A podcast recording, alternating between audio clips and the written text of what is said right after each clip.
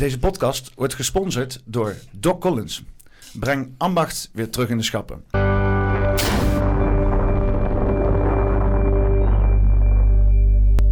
Welkom bij podcast nummer 146 alweer.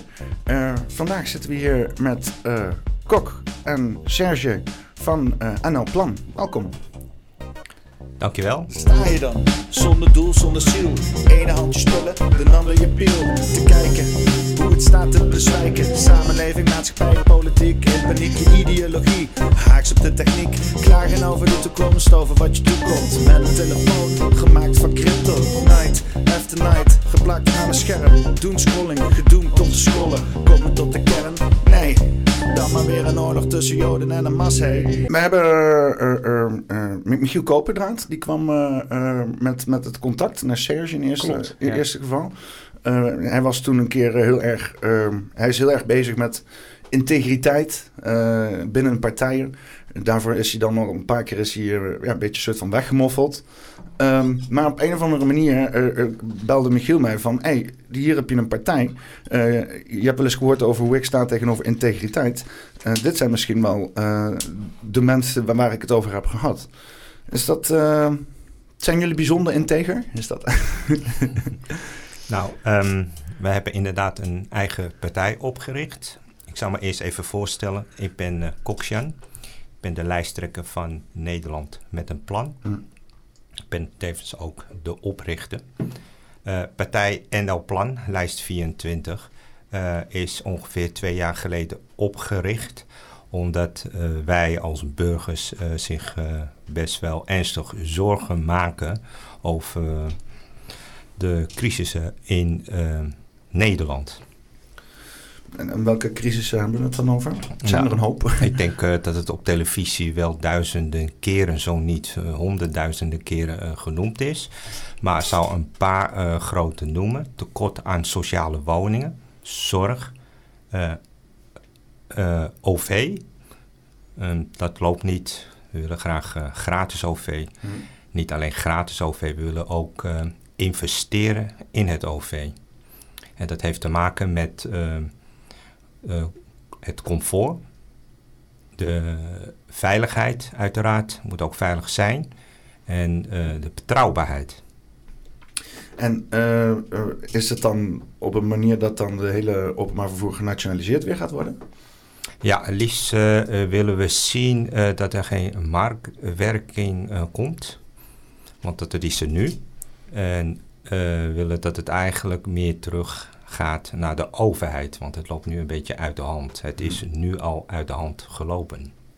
Want, want wat was uh, toen de reden om die hele uh, uh, openbaar vervoer te privatiseren? Want daar zat ook, uh, was op een gegeven moment het openbaar vervoer niet een extra last op de staat geworden? Of was dat gewoon... Ja, het wordt uh, over het, kort, kort gezegd, uh, er wordt heel veel uitbesteed door de overheid. dat, zo zijn het met meerdere zaken zo, maar we beperken nu even tot het OV. Hmm. en um, ja, dat... Dat, zit, ja, dat zijn eigenlijk verdienmodellen. Er moet natuurlijk altijd geld verdiend aan worden. En uh, ja, en dat is ten koste van de kwaliteit van het uh, vervoer. Hm. Maar ik denk dat ik daar niet heel veel hoef te vertellen. Iedereen weet wel dat het OV hier niet zo goed is. Ja, het, uh, het loopt ook wel aardig op, op zijn tanden volgens mij. ik heb toen een keer daar ook over gekeken. Want ze wouden dan dat er meer treinen gingen en dat het meer, meer, meer beetje zoals in Japan, hè, strak geregeld. Um, maar dat je dan tot de conclusie komt dat dat technisch nog helemaal niet haalbaar is. Omdat sporen nog helemaal niet daar tot zijn. Je hebt zelfs nog sommige stukken waar gewoon zo'n één spoor zit. Met spoorovergangen zonder uh, bomen en dat soort zaken. Uh, uh, ja, het hele land heb je helemaal vol zitten met allerlei, allerlei infrastructurele ja. nachtmerries en zo. Ja, dat klopt. kwaliteit is niet zo best. Het is misschien zelfs verouderd. je kan ook zeggen dat het, dat het een mismanagement is van het uh, OV.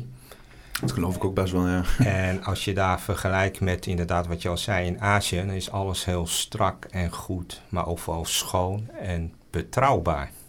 Dus uh, je weet wat je krijgt. En um, ja, het zijn uh, metro's bijvoorbeeld, ja, die rijden om de drie, vier, vijf minuten, dus ongelooflijk.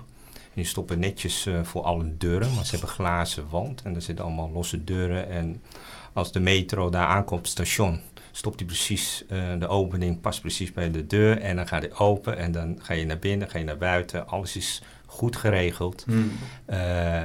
ik heb in ieder geval geen storingen meegemaakt dat ik in die tijd was geweest. Ik denk geloof ik zes, zeven keer naar China geweest. Uh, geloof ik uh, vier, vijf keer naar Hongkong.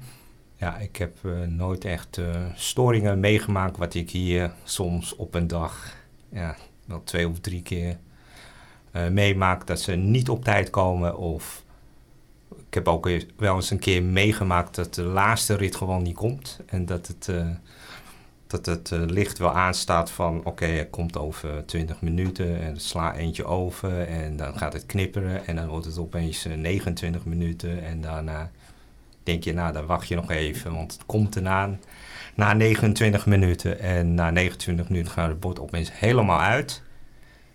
En dan mag je het allemaal zelf uitzoeken. dan sta je daar. Want dat is wel echt de meest vervelende vorm van vertraging. Hè? Eentje, eentje die gewoon een soort van jou de hele tijd nog hoop geeft dat er iets gaat gebeuren, zeg maar. Ja, dat klopt. Uh, je hebt allemaal van die dure uh, lichtborden en die vertellen jou dan van uh, hoe laat ze rijden, hoe laat ze komen. Maar zelfs dat gaat mis. En ik vind het vervelend voor mensen die s'nachts om een uur of één, twee dan nog naar huis moeten ja, dat het uh, helemaal uh, misgaat. Ja. ja, het is sowieso, ik, ik heb me sowieso wel eens afgevraagd, eh, de laatste tijd niet meer zoveel met openbaar vervoer gelukkig, maar mijn studententijd wel. Dat ik bij die bussen stond, met al die borden werden vervangen en zo. Dus uh, nou, kwamen die borden er. Denk van, nou, hè, kunnen we exact plannen en zo. Dat is maar handig. En dan heb je zo'n situatie waarbij er dan inderdaad staat plus 5 minuten, plus 10 minuten, plus 20 minuten. En dan gaat de hele rit gewoon weg. En dan denk je van, ja, waar heb je dat bord dan voor? Dat is alleen maar irritant, zeg maar. Dat ja, en soms anders... is het uh, ja, vervelend uh, dat het uh, niet klopt met wat er staat. En soms, die borden zijn juist om te corrigeren, om juist aan te geven wat er aankomt of juist wat er niet aankomt. Ja. En als dat ook niet klopt, dan ja, zijn inderdaad de borden ook een, een foute investering. Ja. Maar ja, eh, eh, hoe, hoe ga je dat dan doen? Het, uh, het, het openbaar vervoer gratis maken? Is dat dan gewoon een kwestie van geld vrijmaken? Of, of nee, kijk, dat, ja, dat is natuurlijk wel goed over nagedacht. Het is natuurlijk niet zo dat alles gratis moet en moet. het is ook... Um, het geeft ook voordelen, heel veel voordelen. En dat vergissen mensen zich vaak. Um, investeren in, in het OV betekent ook dat er dat mensen meer, uh, meer hun auto thuis laten. Mhm. Daar gaat het eigenlijk om.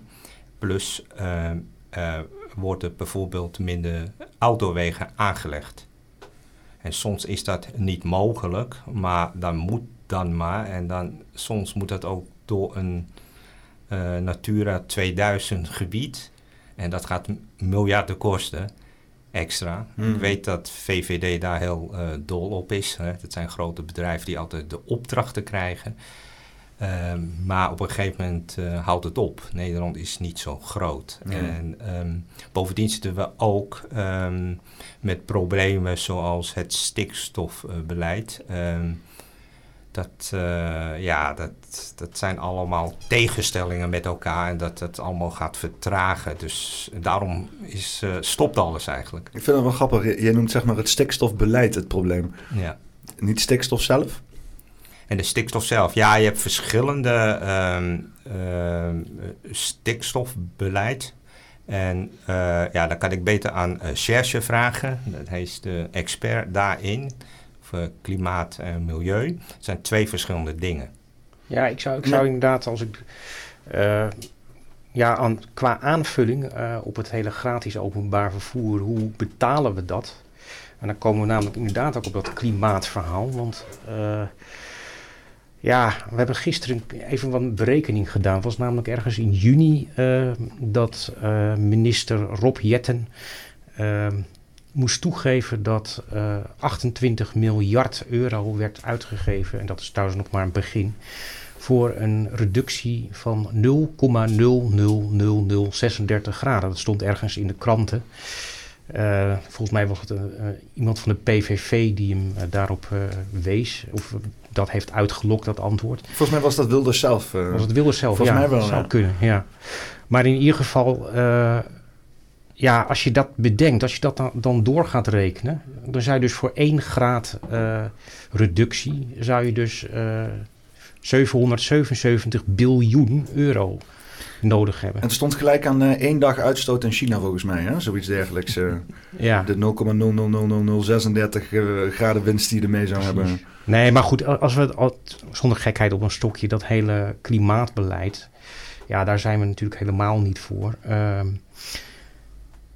het klopt ook gewoon niet. Uh, als je kijkt naar uh, de wetenschap, hè, er, wordt, wordt enorm veel propaganda uh, ja, de wereld ingeslingerd, met name vanuit de overheid. ja, dat, ja, dat we een enorm probleem hebben wat betreft klimaat. En iedereen, kinderen worden daarmee geïndoctrineerd. Je ziet dat mensen op een klimaatmars gaan. Mensen zijn terecht bezorgd. Hè. Die, die worden gewoon eigenlijk beduveld. want ja, er wordt ingespeeld eigenlijk op hun emotie angst. En dat, dat, is, ja, dat is een hele ja, een groot probleem, denk ik. Um, en mensen denken echt dat, uh, dat, dat. Ik bedoel, het blijkt bijna op dat hele christelijke einde van de wereldachtige waanzin waar die klimaatmensen in zitten. Het is, ze gaan dood binnenkort. Zo, zo, zo profileren ze zichzelf. Zo en, en, en zo, zo, zo halen ze jou ook binnen. Hè? Zo van. Uh, maar wil jij, wil jij dan doodgaan of zo? Hè? Waarom ben jij niet voor dit beleid? Anders gaan we dood met z'n allen. En ik denk van, ja, ja, precies. Kort door de bocht. Zo. Die zag dat in die, um, die, uh, die lefgozer. Ik weet echt zijn naam niet. Daniel volgens mij heet hij. Daniel. ja, ja, bij Blackbox gehad. Hè? Ja, bij Blackbox. Ik heb bij, bij Ongehoord uh, Nederland. Ik zag toen al inderdaad uh, dat, dat leuke actietje van die poster van bij Binnenhof. ja. Um, ik vind het heel apart. En vervolgens zit hij op allerlei plekken op bij het alternatieve debat als een stoorzender daar. Ik denk, oké, okay, uh, een aparte situatie. Maar uh, hij was dus ook inderdaad hè, van dat, dat, dat, dat de ijsschots komt. De grote smeltende ijsschots met een, met een, met een Ja. eenzame ijsbeer erbovenop. En die gaat ons allemaal verwoesten. Dat is wel een beetje het, uh, het beeld wat. Uh, ja, ik kan je uit, uh, uit de droom helpen daarin. Er zijn 1650 wetenschappelijke artikelen die zeggen dat het.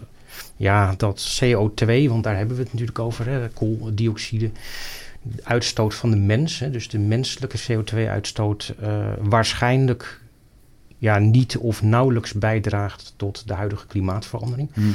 Als je dat uh, bekijkt in de loop der tijd ook, dan um, wat al een, ja, iets is wat, wat, wat tegenspreekt eigenlijk in het, uh, het narratief van de overheid, is dat uh, de industriële revolutie is natuurlijk ergens eind ja, 19e eeuw begonnen, zou je kunnen zeggen.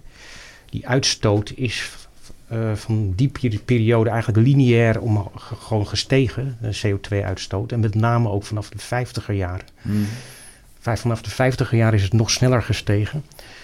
Um, maar we zien in temperatuur dat dat helemaal niet lineair omhoog gaat. We zien eigenlijk dat het sinds de ijstijd, een kleine ijstijd moet ik zeggen, uh, in ja, ongeveer 17, 17e eeuw, dat was een beetje de piek van de kleine ijstijd. Mm-hmm.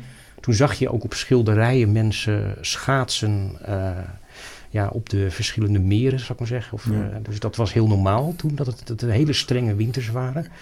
Je ziet Toen, dat eh, die temperatuur... Hoe heet dat nou? Toen uh, de elf steden toch nog... uh, Ja, dat nog is, gewoon dat, was. dat is nog, nog in, in, in recentere tijden natuurlijk. Maar uh, in die tijd zag je dat het... Ja, toen, toen, was het gewoon echt, echt koud. Veel kouder dan nu. En je ziet dat die temperatuur in de loop der tijd... zo ongeveer tot de Tweede Wereldoorlog is gestegen. En daarna is die afgenomen juist. Toen was er een periode dat de temperatuur juist daalde. De gemiddelde temperatuur op aarde. Tot ongeveer eind jaren 70.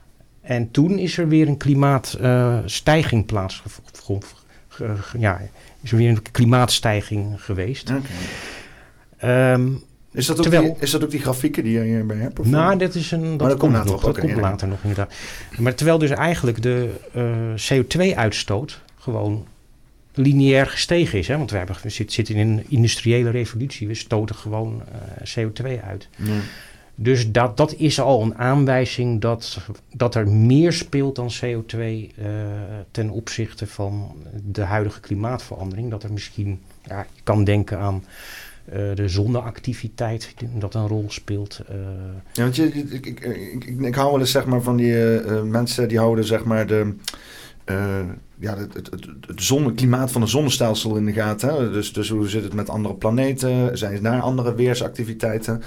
Uh, en wat je ziet is dat er op allerlei planeten uh, irreguliere activiteiten plaatsvinden. En ook opwarming is. Zowel als op, op Venus en op uh, allerlei andere plekken waar ook meerdere stormen, hè, stormen zeg maar, versneld gaan. dus het, het, impliceert op inderdaad een, een soort van uh, zonnestelsel, uh, op het zonnestelselniveau uh, verschijning, waar dan de planeet achteraan actie ondervoert.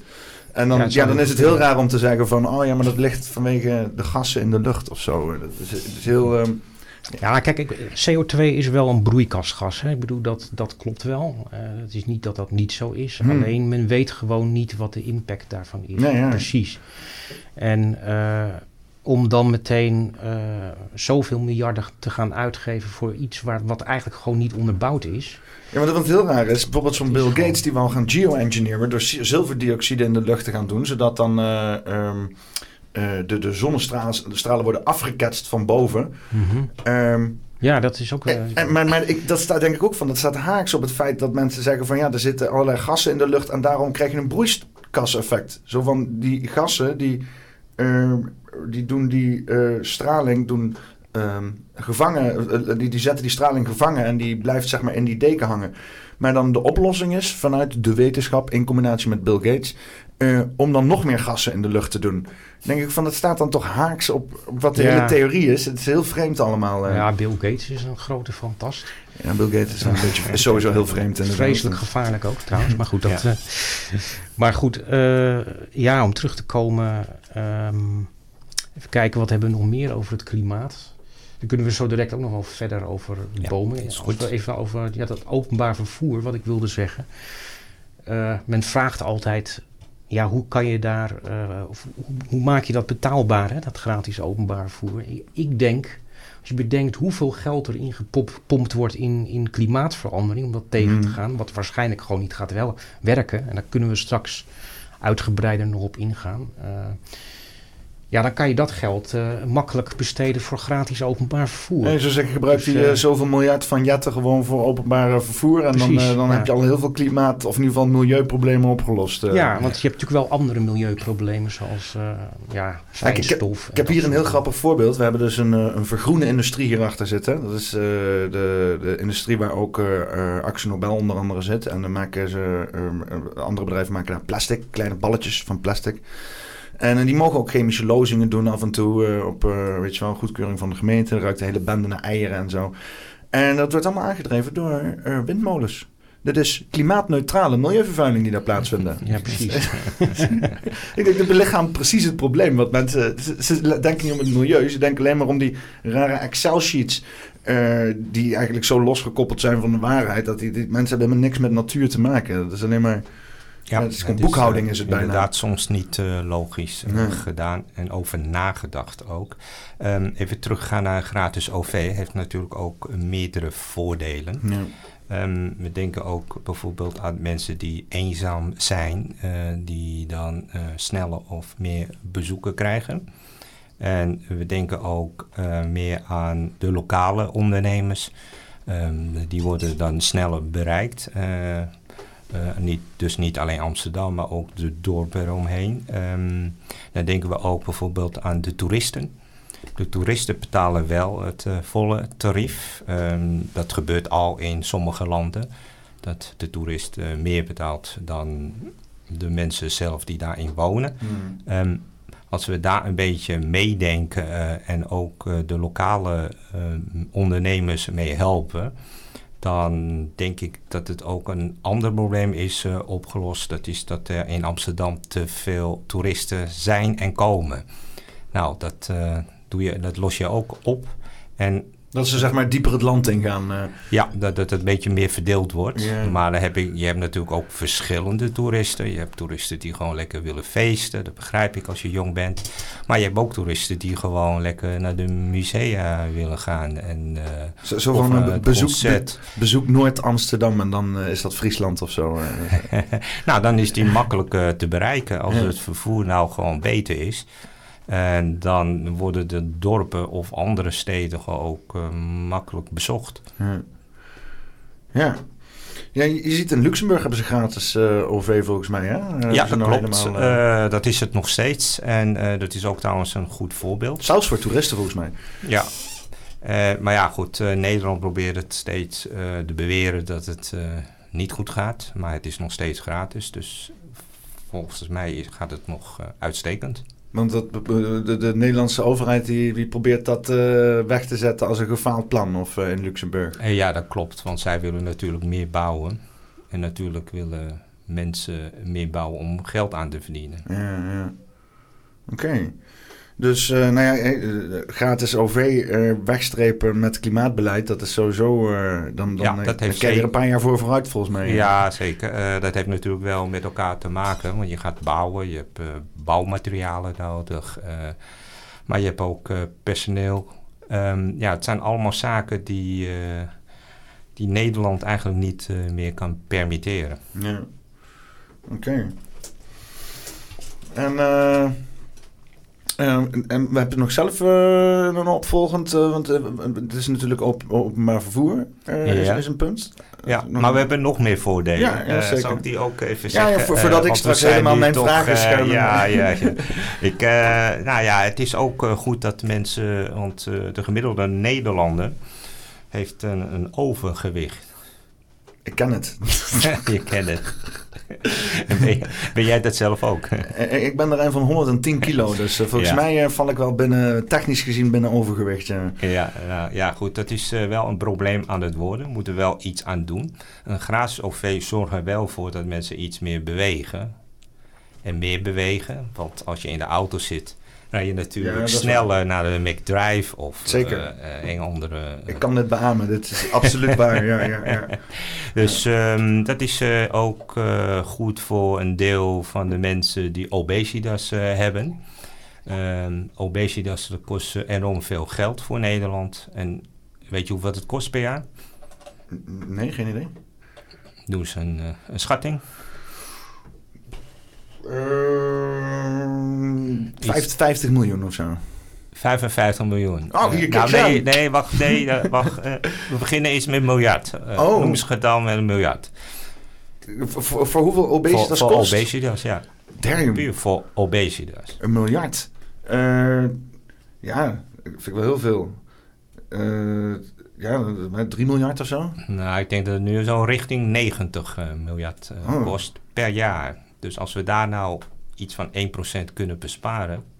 Maar wat was 55 miljoen dan? Dat is, uh... dat is uh, helemaal fout. Oh, dat is, uh, oké. Okay. dat is te laag. Te laag. Jezus, wat een, ik weet wel, want ze, ze halen um, 1 miljard, de, de, Nederlandse staat haalt 1, ongeveer, dus inmiddels wel iets meer, 1 miljard aan belastinggeld per dag. Of naar belastinggeld, belasting en uh, ja, dat voor wordt bedrijven. gewoon allemaal uitbesteed. En ja. allemaal verdienmodellen. Ja, dus, en uh, ja, medicijnen, uh, Dus de obesitas kost zeg maar... En ik zit alles nu tegenwoordig in dagen aan belastinggeld te, te, te berekenen. Want soms ja. hoor je hier miljoen daar, miljoen daar... en dat zegt niks meer. Dus ik doe het nu in dagen berekenen. Dus obesitas kost ons negen dagen aan overheids... aan, aan staatsinkomsten. Uh, daar komt het op neer. 9 miljard, zei je toch? Daar komt het wel nee, op neer. 90 miljard. 90 miljard? ja. Hoe dan? Hoe, hoeveel, hoe, hoe komt dat, dat het zoveel ja, kost? Ik, ik, zou zeggen, ga op internet ga eventjes intypen en dan kan je het uh, zelf zien.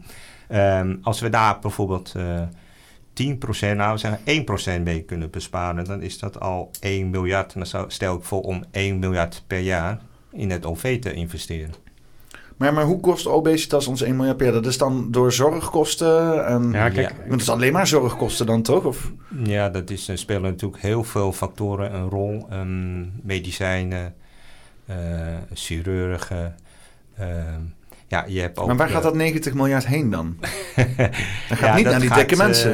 eh, nou ja, die moeten ook verzorgd worden. maar die Eh, krijgen dat geld niet. Ja, maar Of het dat geld dat gaat naar bedrijven toe natuurlijk. Ja, niet nou- alleen dikke mensen. Ja, Ja, is ook, eh, sorry, mensen met eh, obesitas. met- Kijk, nee, niet allemaal. Sommigen hebben een klein beetje Oh, sommige mensen die zijn ja. inderdaad niet dik, maar hebben wel obesitas Ja, natuurlijk. ja, ja. Oh ja, dat kan ook. Nee, kijk, wat het pro- probleem is, met- natuurlijk, je, je hebt heel veel obesitas, maar obesitas geeft natuurlijk ook gewoon een heleboel andere eh, aandoeningen, zoals hart- en vaatziekten, Hmm. eh, diabetes. Ik, had, ik las vanmorgen een artikel in het Parool dat eh, diabetes neemt echt een, epi, epidemie, ja, een, een pandemische vorm aan in, in Nederland.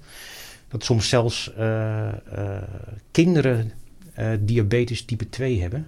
Dat, normaal is dat ouderdomsdiabetes. hè. Dat krijg je als je 60 jaar bent of zo. Als je slechte eetgewoontes hebt. En eh, ja, je insulineresistentie eh wordt groot. Hè. Maar dat wijst op dat, dat als kinderen van twee jaar al diabetes ja, krijgen... twee dat- jaar is al wel vroeg hoor. Maar ik bedoel, Ja, want dan kan je er volgens mij... Dan, Maar die heb je wel, hè? maar Ja, die kunnen, daar, toch, die kunnen daar toch niks aan doen? Nee, die worden gewoon met verkeerde voeding eh, eigenlijk grootgebracht. Arme voeding, veel suiker, waardoor... ja, Maar wat heb je voor je twee jaar gegeten? Dat is toch voornamelijk olverietpotjes en zo? Dat nou ja, nee, twee, twee jaar is het over. Ja, ik heb het over. eh, nou, de jongste was geloof ik vijf jaar. Ja, ja, ja. Dat is ook wel heel Dat jong. gewoon helemaal vol proppen met snoep of zo. eh. Precies, ja, ja, ja. ja, hm. Ja. Dat is echt bizar. Maar dat zijn dus dingen, dat staat ook in ons, programma over gezondheidszorg. 90 miljard. Ik zit er nog steeds. Ik zit in mijn hoofd. Dat zijn gewoon 90 dagen aan inkomsten van de staat. en dan, dat is, dat is een derde van het jaar. Dat is, eh, Ja. dat is, dat is een kwart van het jaar of zo. Die gewoon... Ja. Dat eh, klopt. Maar ja, ik kan me voorstellen dat dat zeg maar... Hè, want ik, ik weet dat onze supermarkten helemaal gevuld zijn met producten die vol zitten met suiker, honing, maggi, al die onzin. Dat zit helemaal vol met, met smaakversterkers. En eh, je hebt allemaal eh, voorgeprepareerde producten. Mensen hebben allemaal geen tijd. Gaan alleen maar producten kopen die nog meer vol zitten met Ja, troep en dergelijke. Ja. Dus, dus het is natuurlijk ook een systematisch probleem waar mensen in worden gehouden. En zoals ik het zie, helemaal na de afgelopen drie jaar, eh, in combinatie met verschillende corporaties, voeding en gezondheid, wordt daar enorm veel geld verdiend. Ook aan het net niet gezond maken van mensen, eh, maar zowel in een heel lang traject van medicatie stoppen, waar zo'n farmaceutische industrie gewoon miljarden aan verdient. Want die 90 miljard, wat ik zeg, dat gaat niet naar die mensen. Die mensen die krijgen niet 90 miljard. De 90 miljard die wordt voor hun gebruikt om vervolgens door te sluizen naar allerlei corporaties die natuurlijk vet zitten te lobbyen om nul verschil te laten krijgen in, in, in de hele situatie. En ze moeten ook nog aan verdienen Ja. aan je. En dat doen ze heel dik, verdienen ze eraan. Ja, nou ja, Ja. je begint het. eh, Ja, dus eigenlijk vergiftigen ze je eerst met eh, kwaadaardig voedsel uit de supermarkten. En vervolgens kunnen ze je dan weer behandelen met eh, kwaadaardige medicijnen en eh, vaccins. Ja, eh, en het is een vicieuze cirkel. Je blijft alleen maar terugkomen. Ja, ja, het is dat klopt. En misschien is dat ook de bedoeling, Ja, ja. als je daar zo over nadenkt. Maar goed, wat kun jij daaraan tegen doen? Mhm. Dus we hebben wel wat eh, bedacht. Ehm, ik denk dat het eh, ehm, heel goed is om de problemen bij de wortels eh, aan te pakken. Dus voorkomen is beter dan genezen. Eh, ik denk dat mensen zich een beetje vergissen met van we moeten meer sporten, dan is het beter voor je. Maar meestal is dat dan te laat, want je gaat sporten omdat je overgewicht hebt. En dan denk ik, ja, ehm, wat mensen ook ehm, vooral vergeten hier, is je, je voeding, wat je eet en hoe je eh, opgroeit. En wat je net al zei, dat ze niet zo vaak of dagelijks zijn mensen die dagelijks naar de supermarkt gaan voor kant-en-klare maaltijden die zo gepresenteerd wordt dat het eh, gezond is, maar dat is het dus niet. Maar wat kunnen we hier aan doen? Dat ehm, denk ik, dat eh, wat ik ook merk, is dat er heel veel Nederlanders eh, niet zo goed kunnen koken of niet kunnen koken. Of althans niet gezond koken. Eh, daar kunnen we wel wat aan doen met het beginnen met kooklessen te geven bijvoorbeeld op scholen. Vroeger had ik dat, hè, kookles op school. Ja, Kregen we, moesten we macaroni met smak maken. is dat zo? Ja. ja. Dus het smak moesten we gaan gebruiken voor de macaroni. Dat, ik denk er nog steeds aan terug dat ik denk van volgens mij is het daar inderdaad geëindigd kookles. Want daar was het ook al niet nuttig meer. Nou, maar- zie je nou wel, je denkt er nog steeds Ja. eh, aan, dus het werkt. ja, ja, ja, Ja, Ik Dus vind kook ook heel leuk. kooklessen vinden kinderen best wel leuk, maar dan moet je vroeg beginnen en ze laten eh, begrijpen van wat voor producten het zijn, waar ze het kopen, hoe ze, eh, hoe ze dat eh, moeten behandelen ook, hoe ze moeten koken. Maar je kan het ook, een product die heel gezond is, kan je helemaal verpesten dat het ongezond wordt Ja. tijdens het koken. Gewoon eindeloos veel scheppen suiker erbij Ja, doen of zo. Dus ja. ik heb eh, ook een paar scholen gebeld. Ik heb natuurlijk geïnformeerd of het mogelijk is om kooklessen te geven. Hm. Want eh, alle standpunten die wij hebben, dat zoeken we natuurlijk eh, goed uit. Ook voor het, eh, met, het, met het OV ook. En ja, dat blijkt dus, ehm, ja, je hebt natuurlijk wel te maken met de keurdienst van waren. Sociale hygiëne, dat heb je ook met restaurants en, of een café of een cafetaria. Maar met scholen kan het wel eventueel als je een, ehm, bijvoorbeeld een zzp'er inhuurt. Die dan de kooklessen geeft. Dus je gaat niet een heel eh, keuken bouwen, dat is niet nodig. Het gaat erom dat eh, de, de kinderen weer eh, zin in hebben in koken en waar het eigenlijk om gaat. En het is ook tevens goed voor om een bepaalde keuken te leren kennen, zoals een Surinaamse keuken of een Chinese keuken. En dat is ook goed voor de sociale cohesie en ja, voor meer begrip tussen de verschillende culturen. Ja. Ja. Ik- we hadden vroeger, eh, ik zat op de, op de V- VMBO eh, eh, T. En met VMBO kreeg je verzorging. en, en dan later kon je dan daarop focussen. Dan had je kader en dan ging, werd verzorging je hoofdvak. En, maar ik ben dan techniek gaan doen. Maar in die eerste twee jaar, die introductiejaar, de VMBO T HAVO, eh, was verzorging ook nog zo'n vak. En dat was letterlijk gewoon een lokaal met, met, met, met een hele keuken erin. En, en waar onder, onder, onder andere ook ko- kookles gegeven werd. En dan eh, stonden Ja. we met z'n allen inderdaad gewoon aan die, aan die, die keuken. En dan eh, ging de leraar uitleggen wat we, wat we gingen doen. Werd inderdaad ook gewoon door de leraar gegeven. Nou ja, wat ik zei, eh, het maaltijd was inderdaad nou niet echt dat je zegt van heel gezond of zo. Maar die middelen waren er toen wel. En het is toen volgens mij ergens weggegaan. Ik weet niet of dat nu tegenwoordig nog steeds wordt gedaan. Ja, maar jullie gingen niet zelf koken? Jawel, eh, jawel. We, een teams van drie. En dan gingen we zelf eh, snijden en bakken. maar en hadden jullie dan allemaal van die eh, losse kleine keukentjes?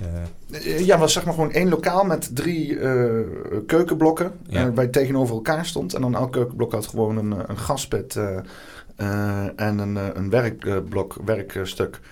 En een koelkast eronder. En dan waren er dan vier, vier van, die, van die opzetten. En dan waren we in groepen van drie. En hadden we ieder een keukenblokje, eh, keukenblokje om dan aan te werken. Ja. Ja. Ik heb het- ook nog gehad hoor. Op, Ja? de, op de vrije school heb ik dan gezeten in Amsterdam. Eh, en daar werd daar toen een tijd in ieder geval, eh, maar ook niet heel veel, heel vaak hoor, maar gewoon, eh, ik, ik, ik heb een periode meegemaakt dat we inderdaad, we moesten wel naar een aparte locatie. Dat was niet in het gebouw zelf. dan kregen we kookles inderdaad. Dus, eh, Nee, ik, kan, ik heb ook echt e- één herinnering eraan. Dus het kan best zijn dat we inderdaad één keer ja, het was niet voor vaak. verzorging gekookt Nee. hebben dan. als, want het was allemaal introductie voor die vakkeuze, zeg maar. Maar ik, ik kan me wel herinneren dat, dat die faciliteiten waren wel. Ik weet niet of dat er nog steeds is. Maar het is niet raar of zo. Het is wel... eh, je zou het eigenlijk al bijna ehm, bij, de, bij de basisschool moeten doen eh, op een of Ja, andere zeker. manier. Want eh, Ja. ja. koken doe je bijna elke dag als het eh, goed is. En ja, ja ehm, je moet een klein... eh, ja, het kost tijd soms een beetje. Maar ook veel plezier. Het geeft een beetje ontspanning. En ja, ook meer, leer je ook meer over de producten. En wat er zijn en wat voor goede stoffen erin zitten. Geef je ook een verhoogdere zelfstandigheid. Ja, ga je Want, eh, dus... eh, tijdens die, eh, die, die pandemie waren er hele bevolkingsgroepen in paniek omdat ze niet meer konden eten, want de restaurants waren gesloten. Wat krijgen we hier dan weer? Ja. Ja, helaas is dat ook gestopt. En dan zie je gewoon, ze doen gewoon weer hetzelfde wat Ja. ze voorheen deden. Ja, ja, ja. Ja, maar ik vind het een hele goede set. Je kan daarbij ook bijvoorbeeld de alleenstaande moeders bijvoorbeeld eh, mee helpen. Die dan meer tijd krijgen als de kinderen naar school eh, zitten. En dan moeten we daar iets, een leuk project van maken. En die kunnen het beste natuurlijk over hun eigen cultuur vertellen, eventueel. Ja. Want cultuur hebben jullie ook wel eh, hoog in het vaandel, hè? Ja, Die- wij noemen het meer kleur, diversiteit en inclusiviteit. En het kind eh, moet wel een beetje vooraan staan. Ja, want diversiteit en inclusiviteit is de afgelopen decennia behoorlijk, ehm, ja, weet ik niet, een verzadigde term geworden. ja, eh, klopt. Het is En een beetje, ook bijna, ja. ja. ja, klopt, ja. Dus uh, daarom vandaar dat we meer met uh, kleur uh, willen werken. En nou ja, wij zien er ook zo eruit. Dus dan komt het veel betrouwbaarder over. Mm.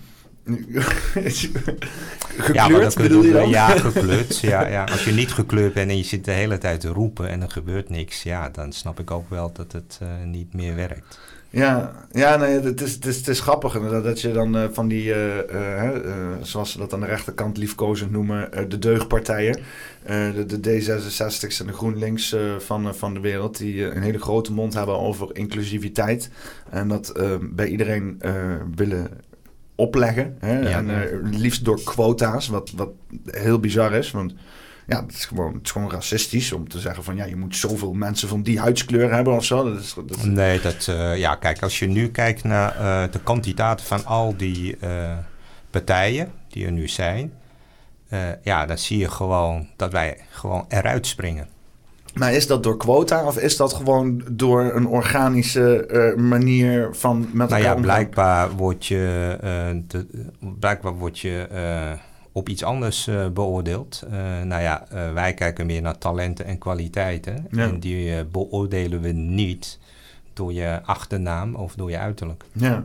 Ja, en jij zegt door dat niet te doen, dan eindig je vanzelf op een meer nou diverse ja, het is, het, ja, ik kijk even naar die andere partijen. Dat valt me gewoon op gewoon dat het niet gekleurd is. Nee, ja. En soms zitten, zetten ze iemand in om het wel een beetje op te lijken. Maar ja, dat... Uh... En dan gewoon een witte, witte uh, uh, wat is het, um, non-binaire man zet ze dan neer. En dat noemen ze dan diversiteit. ja, dat klopt. Ja. En meestal is het een, jonge man of een jonge vrouw eventjes tussen zitten. En dan denken ze dat het helpt. Ja.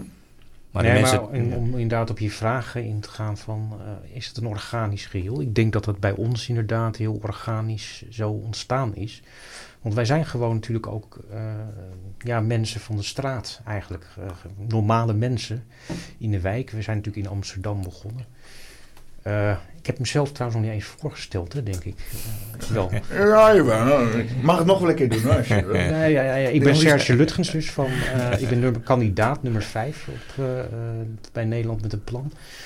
Um, maar daarvoor was ik, zat ik bij Hart voor Vrijheid. Dat is ook een politieke vereniging was dat. Ah. dat is helemaal eigenlijk...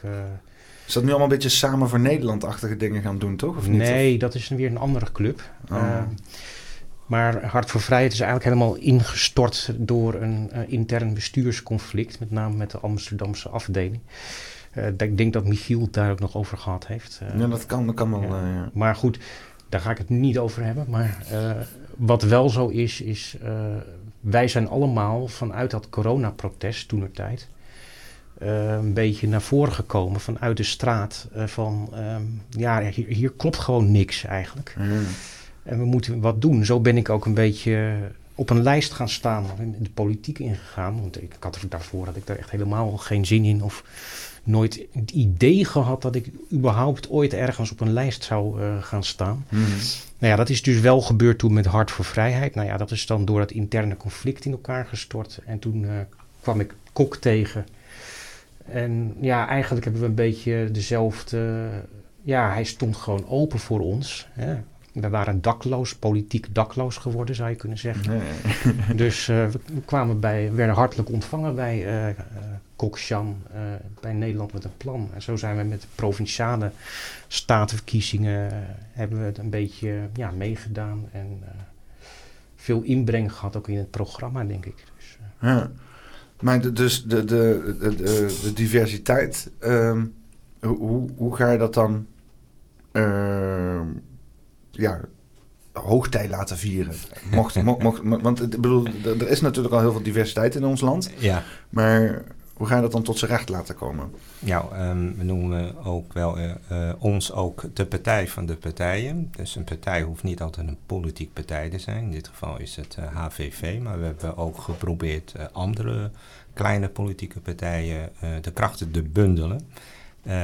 Nou ja, hier en daar is het wel gelukt, maar is ook wat niet gelukt. Dus sommige dingen hebben ook meer tijd nodig. Um, maar we hebben ook gewoon um, verenigingen, bijvoorbeeld um, mensen, een koepel van huurders van sociale woningen bijvoorbeeld. Waar we eigenlijk ook veel ehm, informatie krijgen en bronnen hoe we onze standpunten kunnen versterken. Dus en als je dat allemaal bij elkaar brengt, dan geeft het eigenlijk al een diversiteit aan. Dus we kijken meer naar de informatie en naar de inhoud. Ja. Uh, toch um, focus je toch ook wel op uh, bepaalde groepen, zeg maar. Ja, zeker. Uh, we kijken ook welke groepen gewoon niet vertegenwoordigd zijn. En dat is de Aziatische Nederlanders. En uh, nu mag je nog een keer raden. Hoeveel Aziatische Nederlanders wonen in Nederland? Ja, volgens mij, je hebt het al verraden aan de telefoon volgens mij een keertje. Ja. 1 miljoen, zei je toch? Ja, we zijn voorzichtig. meer dan 1 miljoen. maar we schatten tussen 1,5 en 2 miljoen. Dus 1 18, achttiende uh, van de bevolking in Nederland is gewoon Chinees. Ja, dat kan. Want uh, nou, er ja. is uh, nou, de Chinese, is Chinese Aziatische, afkomst. Aziatische, afkomst. Oh, Oké, okay, oh, dus, dus dat is hebben we ook over Indonesisch. Dus ook Filipijns, Vietnamees, Hindoestanen. Okay. Ja, dat is dat. Oh, wordt, ook, ook, ook India en zo. Ja, ja, die. Ja, dan wordt het in één keer een stuk meer mensen. Dan wordt er inderdaad een stuk meer ja. Maar de meesten hebben ook uh, niet, uh, nog nooit gestemd in hun leven. Hmm. Dus dat maakt het juist interessanter. En hoe, hoe komt dat, denk je? Nou, dat heeft met geschiedenis te maken. Dat wil ik best wel vertellen. Het kost wel een tijdje. Ja, ik hou van geschiedenis. Ja, oh ja, van geschiedenis, ja. Um, nou ja, in 1911 kwamen de eerste Chinezen in Nederland aan. Ehm, nou ja, ze waren eigenlijk meer gelokt dan dat ze aankwamen. Ehm, ze waren um, gevraagd uh, door, uh, dat noemen ze shipmasters. Mm Dat uh, waren eigenlijk mensensmokkelaars. Het, maar ook, waren ook Chinese shipmasters, ook Nederlandse Chinese shipmasters. moesten zorgen dat mensen naar Nederland naar Nederland werd gestuurd. En dat heeft te maken met uh, de stakingen die er toen was tussen de zeelieden, de rederijen en met het stoomschepen gebeuren. Want uh, de, de havenarbeiders willen gewoon meer geld hebben. En toen werd er gestaakt en toen hadden ze gezegd, nou, als jullie niet meer willen werken, halen we Chinezen uit uit China. En kijk eens wat ze doen in Amerika. Ze werken zich daar helemaal letterlijk kapot. En uh, ja, als jullie niet willen werken, dan halen we ze hier naartoe. En dan kunnen we afscheid van jou nemen. Nou, dat geloven ze niet en zus en zo. Nou, toen hebben ze al die Chinezen, die kwamen hier dus aan in 1911. En uh, toen schrokken ze wel. En uh, hup, meteen gingen ze naar het werk. En toen zeiden ze tegen die groep Chinezen van, uh, nou ja, goed, sorry, uh, we hebben jullie niet meer nodig. Toen hadden zij gezegd van, uh, ja goed, we hebben geld geleend om hier te komen en wat moeten we nu? Toen zeiden ze, ja goed, we hebben hier en daar wel wat werk, maar het kost wel een stuk minder. Soms was het iets van een derde van een normaal loon hmm. die zijn Nederlandse collega's zou verdienen. Dus uh, nou, doe je het wel, doe je het niet. Nou ja, dan heb je eigenlijk geen keuze. En je hebt taalbarrière, want uh, ja, ze spreken natuurlijk geen Nederlands. Nou, dat vinden natuurlijk uh, de Nederlanders natuurlijk niet leuk. Die denken, hé, hey, er werkt iemand die, die pikt ons werk in. En dat, ja, dat, dat is niet leuk natuurlijk. En ze werken ook nog voor, nou ja, we zeggen, de helft van de prijs. Ja. Dat is uh, niet fijn. En uh, nou ja, daar zitten ze dus mee. En toen werden ze toch een beetje, uh, kreeg je een haatsfeer. en ja, dat werd steeds erger natuurlijk. En ze noemen ook het gele gevaar. Heb je dat ooit eens Ik heb dat wel eens een keer gehoord. Ja, ja, ja daar komt het vandaan, het gele gevaar. Hmm. Maar het gele gevaar was nooit een gevaar geweest trouwens. Maar goed, um, toen heeft uh, de overheid gezegd, de Nederlandse overheid, als je op internet typt, dan kan je dat nalezen. Uh, hebben ze gezegd, nou weet je wat, ze mogen niet dezelfde rechten hebben zoals wij. Dus daar begint het al. En uh, ja, wat moet het dan zijn? Niet tweederangs, maar derderangs burgers. Dus geen rechten, ze moeten hun mond houden, ze mogen alleen werken, kop houden. Oh, heftig inderdaad, ja. Ehm, nou ja, goed, we zijn nu 112 jaar verder. En is tot al die tijd niks aan gedaan. Dus we hebben het voornamelijk over de Chinese immigranten dan? Ja, daar hebben we nu even over de Chinese migranten. En ze moesten maar zien te overleven. En dat, uh, hun redding was eigenlijk in die tijd dat uh, Nederlandse Indiërs, Indische Nederlanders moet je zeggen, die toen uit Indonesië werd uh, verjaagd, die terugkwamen naar Nederland, die zijn nog steeds gewend om nasi goreng en bambi goreng te eten. je ziet heel veel Chinese-Indonesische restaurants en zo. Dat is, ja, ja, maar um, vraag je niet af waarom het Indisch-Chinees restaurant is. In plaats van Chinees-Indische... Terwijl het allemaal Chinezen zijn. Oh, Dat ondertussen ze uh, zich aangepast hebben aan de Indische Nederlanders. Hmm. Want zij willen natuurlijk... Kijk, de rijsttafel heet nog steeds rijsttafel. En dat is altijd zo gebleven. Maar dat is gewoon aangepast voor de Indische Nederlanders. En zij hebben op die manier uh, zich uh, kunnen overleven. Want zij, dat waren wel de klanten die echt geld hebben. Er zitten toch geen uh, dopertjes en wortels in nasi normaal gesproken. Nou, als je goed kijkt wel. en er worden ook Nederlandse producten gebruikt. Zoals prei, inderdaad dop, doppertjes en ja. worteltjes en ham en ei. Ja.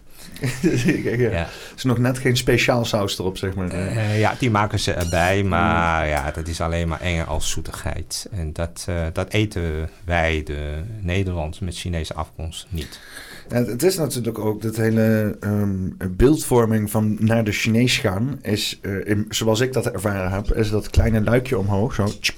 En dan een klein hoofdje die daarvoor verschijnt aan de maaltijd naar voren duwt. En dan weer dicht. Ja. Dus het heeft ook een beetje die.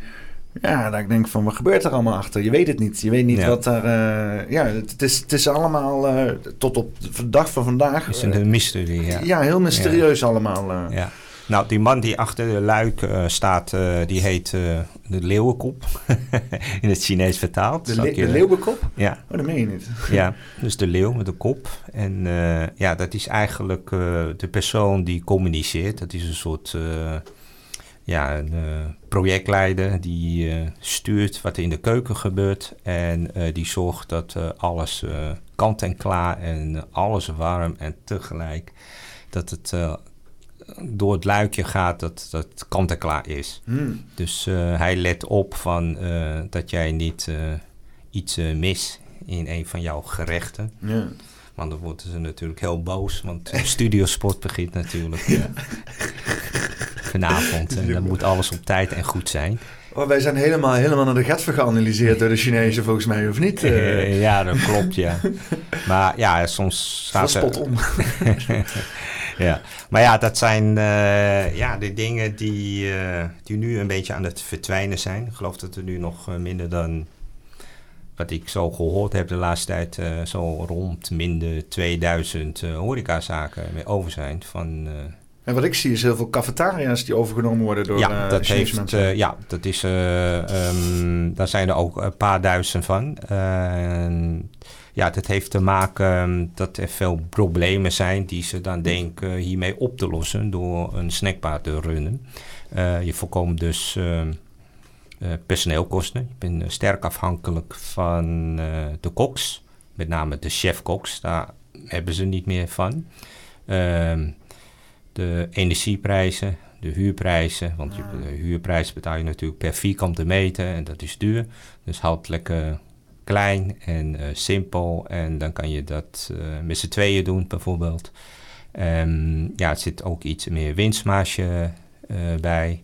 En het is ook makkelijk, je frituur iets en ja... En dan Bevroren meuk in de frituur gooien, klein Ja, ja, dat ja. klopt. En dan heb je ook nog met allerlei zaken te maken dat ehm, mensen ook minder geld te besteden hebben. Hm.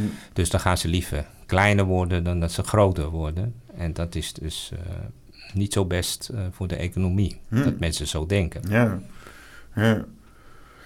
Maar wat ik, wat ik me altijd afvraag... Hoe zit het nou uh, met uh, de Chinese bevolking hier in Nederland en China? Ja. Zit daar nog veel banden tussen? Is daar, uh, hoe zit dat precies? Nou, kijk, de meeste zijn hier opgegroeid. als ik nu zo kijk, ik ben zelf ook in Amsterdam geboren, 1970. Ik ben afgestudeerd in 1993. Ehm, wij weten niet zoveel van China af zelf natuurlijk.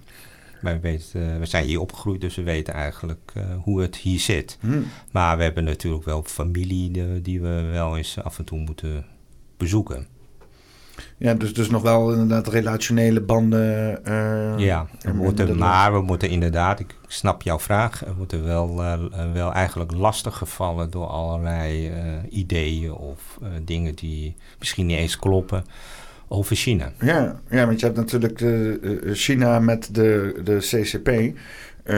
ik zelf ga er ook altijd wel eens een beetje over los en zo. En um, probeer het af te wegen met natuurlijk het geopolitieke spel. Waarbij wij in Europa ook heel veel baat bij hebben dat China niet heel goed uit de verf komt. Ik heb uh, een paar uh, klasgenoten uh, die vroeger, of die, die toen in die tijd een minor hebben gedaan in China, in Shenzhen.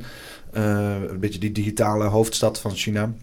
En daar verhalen mee even terug heb gekregen. Dus ik heb een beetje een beeld nou ja, dat is natuurlijk heel klein. China is fucking groot. Dus je hebt niet, ik heb een beetje een beeld van, van de, de hotspots en wat er dan zou gebeuren daar. Ehm, en los van het feit dat het gewoon een moeilijk groot land is.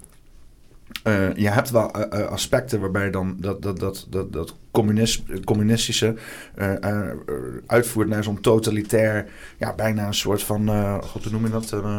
een futuristische uh, controle staat. Hè? Dus in, in die Shenzhen... technocratisch of... ja, nou ja, technocratisch is meer een bestuursvorm. Maar nou is het echt gewoon... Um, ze hebben... Wat is het nou? één camera voor elke zes mensen in het hele land. ze hebben allerlei algoritmes met face tracking. Um, dat wordt allemaal opgeslagen in de database. Mensen worden. Het is zeg maar zo nu daar. Uh, dat als jij bijvoorbeeld je, uh, harde, je, je hardtophelm niet draagt op de bouwplaats waar je werkt, dan kan je, word je credits live verlaagd en kan je lopen naar huis in plaats met de bus. Ja. Dat soort zeg maar mechanismes, dat zit in dat social credit system. Dat is nog niet landelijk uitgerold, maar er zijn wel al spots, vooral drukke steden, waarin ze dat soort dingen uh, gebruiken. Ja, ik kijk daar naar en ik word daar heel zenuwachtig van, zeg maar. Helemaal ja. van Europa die zegt van, hé, hey, dat China, dat is misschien best nog wel Maar je weet ook dat de bussen daar voor de ouderen 1 dollar kost. Is dat duur of uh, niet duur? Nou ja, je hebt Hongkongse dollar, maar je hebt ook uh, de yuan, hè? Dus uh, ja, één. Ja, En dat is ja, een paar dubbeltjes. Oké. Per rit. Dus, dus dat is goed, zeg maar. dat, nou, dat, die, dat is in ieder geval daar opgelost. Ja, ja, ja, ja. Ehm, maar ja, ik kreeg ook vragen uit China hoe dat zit nou met Nederland. Ehm, als zij het allemaal zo beter weten. En ze vroegen ook aan mij van wat zijn voedselbanken? Waar dienen ze voor? nou, geef daar maar eens antwoord op. Ja, ja, ja. Ja, er zijn wel, want het is natuurlijk... Uh, die hele strijd tussen kapitalisme en communisme, dat is al een hele tijd gaande. Koude oorlog, dat, dat gaat verder terug zelfs. Uh, en het is voor uh, de, zij die in de wereld het kapitalisme heel erg hoog hebben zitten, een soort van slappende face dat er een, uh, een, een, communistische superstaat is die het, het aardig onder controle heeft. In ieder geval vanaf de buitenkant ziet het er functioneel uit. En er zijn waarschijnlijk ook binnen veel succesverhalen. Ehm, maar. Ehm, uh, ja, je, het, blijft altijd een beetje. Ik vind het toch altijd dat ik denk van ja. Uh, uh, het is moeilijk, het is moeilijk. En het is ook inderdaad, ik vind het ook wel, het is wel heel erg. Ehm, makkelijk om dat dan op het individu te schuiven. En dan heb je inderdaad hier zo'n land van, wat is het, 1,3 miljard mensen. Ja, die geregistreerd zijn, ja. Over, over, een grond, ja. Oh ja, over een grondgebied uh, van heb ik jou daar. Uh, ja, om dan inderdaad hier een individu in Nederland aan te spreken op dat is, is, ook, is ook gewoon waanzin. Uh. Ja, in China is natuurlijk alles bij wijze van spreken 100 keer groter. Dus 100 keer Amsterdam, 100 keer Ajax, 100 keer Feyenoord. Gewoon alles is honderd keer groter. Zo moet je ook uh, denken. En hoe ga je dat allemaal uh, managen? Ja. En uh, besturen en dat soort dingen. Maar van die, van die man, die, die vroeg mij ook... Dezelfde man die vroeg over de voedselbanken. Zeg, ik las laatst een artikel. de voedselbanken zijn ook verdubbeld. En staat hier ook dat ze niet genoeg voedsel kunnen leveren voor de voedselbanken. Hoe zit dat nou? Want ja, Nederland is hoog aangeschreven qua rijkste land of een van de rijkste landen ter wereld. Ja, ja, ja, dat klopt, wat, klopt wat moet ik, van. Hè? Ja. ja. wat moet ik daarvan zeggen? Hoe moet ik dat uitleggen? Ja, ja te veel, uh, te veel uh, uh, verschillen hè? in de rijk en arm. Dat gebeurt nou hier. Dus dat is in principe waar, waar nu kapitalisme een beetje het schuld van krijgt. Um, maar aan de andere kant heb je allerlei zaken hier in Europa gaande. Uh, die eigenlijk niks met kapitalisme te maken hebben. Grote corporaties die worden voorgetrokken, banken die worden uitgekocht met belastinggeld, uh, uh, reguleringen, overreguleringen op de woningmarkt en de energiemarkt. je kan niet zomaar je eigen bedrijf beginnen om een grote markt te penetreren, want dat is helemaal dichtgemetseld, zodat alleen maar de grote corporaties de middelen hebben om te voldoen aan die regulaties en nooit kleinere spelers mee kunnen doen. Dus je kan ook heel veel zeggen van er is nu niet genoeg kapitalisme Sterker nog, er zit nu een soort, een soort van communistische backstop op het kapitalisme hier in Europa van heel veel bedrijven. Waardoor dus eigenlijk eerlijke concurrentie niet plaatsvindt. En of dat dan beter uh, er zal gaan als dat wel gebeurt, of dat dan inderdaad de, de, de rijkdom van uh, de, de, de, kleinere man verhoogt, dat is, dat is de vraag. Um, uh, maar ja, dat, dat inderdaad met, met, met als je dat uh, door de overheid allemaal laat, laat, laat reguleren, dan, dan, dan zit je altijd met het vraagstuk: wie heeft de controle? Ja. Wie bepaalt? En, en, en hoe hou je dat, dat instituut die bepaalt integer? Want dat lijkt, als je naar de geschiedenis kijkt van de mensheid, integriteit behouden, dat het, dat het praktisch onmogelijk lijkt op een of andere manier. Ja, snap het, ja. Ja, ik, ik heb daar nog wel ik moet al eventjes goed nadenken hierover. Kijk, uh, ik denk dat communisme, uh, wat toch wel vaak wordt, uh, dat, dat zie je bij partijen als FVD heel vaak. Hè? Die, die zetten het communisme als de as van het kwaad. En socialisme is ook al heel erg eng. LP zou dat ook wel doen, de Libertaire Partij. Die zijn uber-kapitalistisch natuurlijk. Ja, dat weet ik niet. Maar wat, wat, ik, wat ik vind is eigenlijk wordt communisme wordt altijd verward met uh, iets als staatskapitalisme, zou je kunnen zeggen. China is natuurlijk eigenlijk helemaal niet zo'n uh, communistisch land.